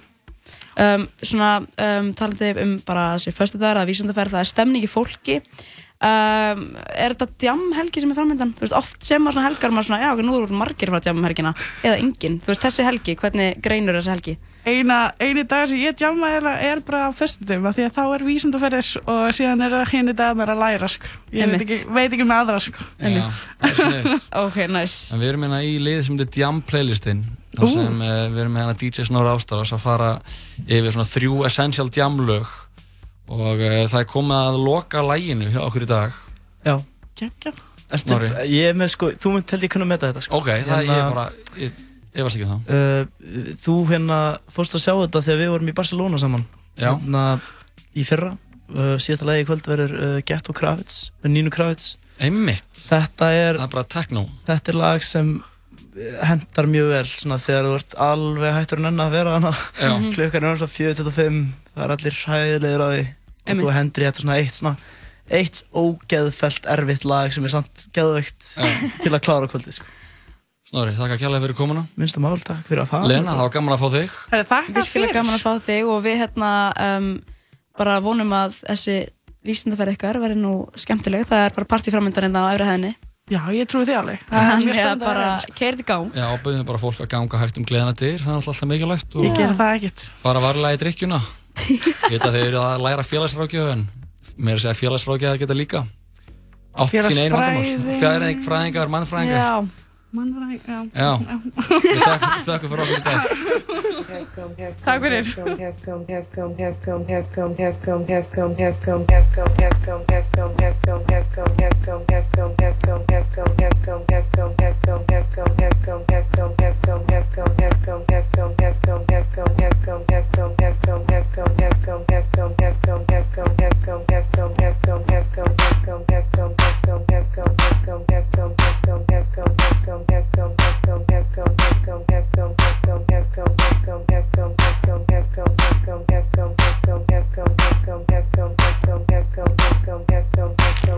Summer's gonna have come home. Summer's gonna have come home. Spring theme down, spring theme.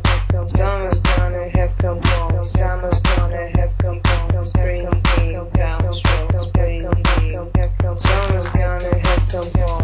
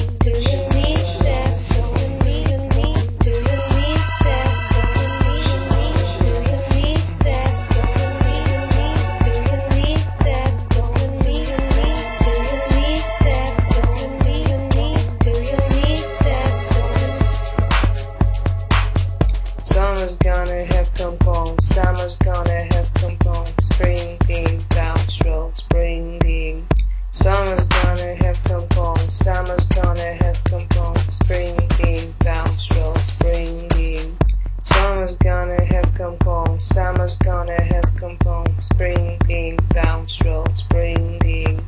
Summer's gonna have come home. Summer's gonna have come home. Spring theme down shrill. Spring theme. Summer's gonna have come home. Summer's gonna have come home. Spring theme down shrill. Spring theme. Summer's gonna have come home. Summer's gonna have come home. Spring theme down shrill. Spring theme. Summer's gonna Morgun þátturinn Musli, alla virka daga með Loga Petró og Sigurbjarti í bóði Joe and the Juice. Yngvar E. Sigursson hlaut velun í kann fyrir hlutverk sitt í myndinni. Þetta er að fallega svo eða ljóta Hvítur hvítur dagur, komin í bíó. Leikmenn Dominós deildarinnar eru tilbúnir fyrir átökin í vetur. Og við hjá Dominós stöndum vaktina. Vertu með. Dominós. Hamburgerabúla Tómasar. Vatnið er eitt besti drikkurinn. Hamburgerabúla Tómasar. Hafðu það holdt og gott. Nings og kroppurinn blómstrar. Here I come. Anybody order fried sauerkraut? Nýja Níunda kvikmynd Quentin Tarantino Leonardo DiCaprio I'm Rick Dalton Brad Pitt Here comes trouble Charlie's gonna dig you. Once Upon a Time in Hollywood Komin í bíó Fylgist með okkur á Twitter og Instagram at 101 Live Radio.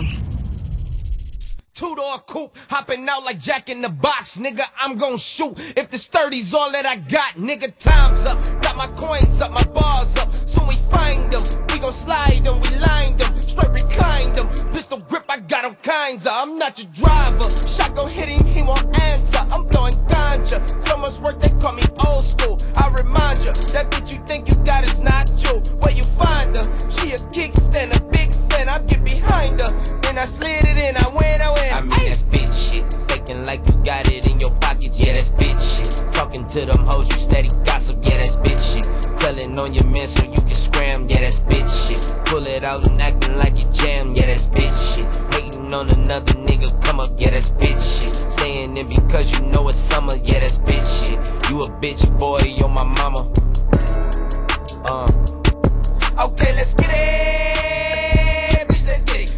Got a plan. We gon' kill this man. The gun won't jam. It's on on sight. I might get life. That's on my life. The popo fight. The go green light. I build that price. I build up nice. The guy won't die. Okay, let's get it. Bitch, let's get it. Woo! See no flaws in my purest form. Bitch, I'm greedy. Oh, call your tag. Filled with hella cash. Get my gimme back. Singles ass. We don't do no class. Nigga, non subtract. Two off coupe. Hopping out like Jack 30's all that I got, nigga, y'all on mute. Ain't no back talk on my block, nigga. Num num juice to the head, fuck up the ops, nigga. Two door coupe, hopping out like Jack in the box, nigga. I'm gon' shoot. If this 30's all that I got, nigga, y'all on mute. Ain't no back talk on my block, nigga. Num num juice to the head, fuck up the ops, nigga. Útvarp 101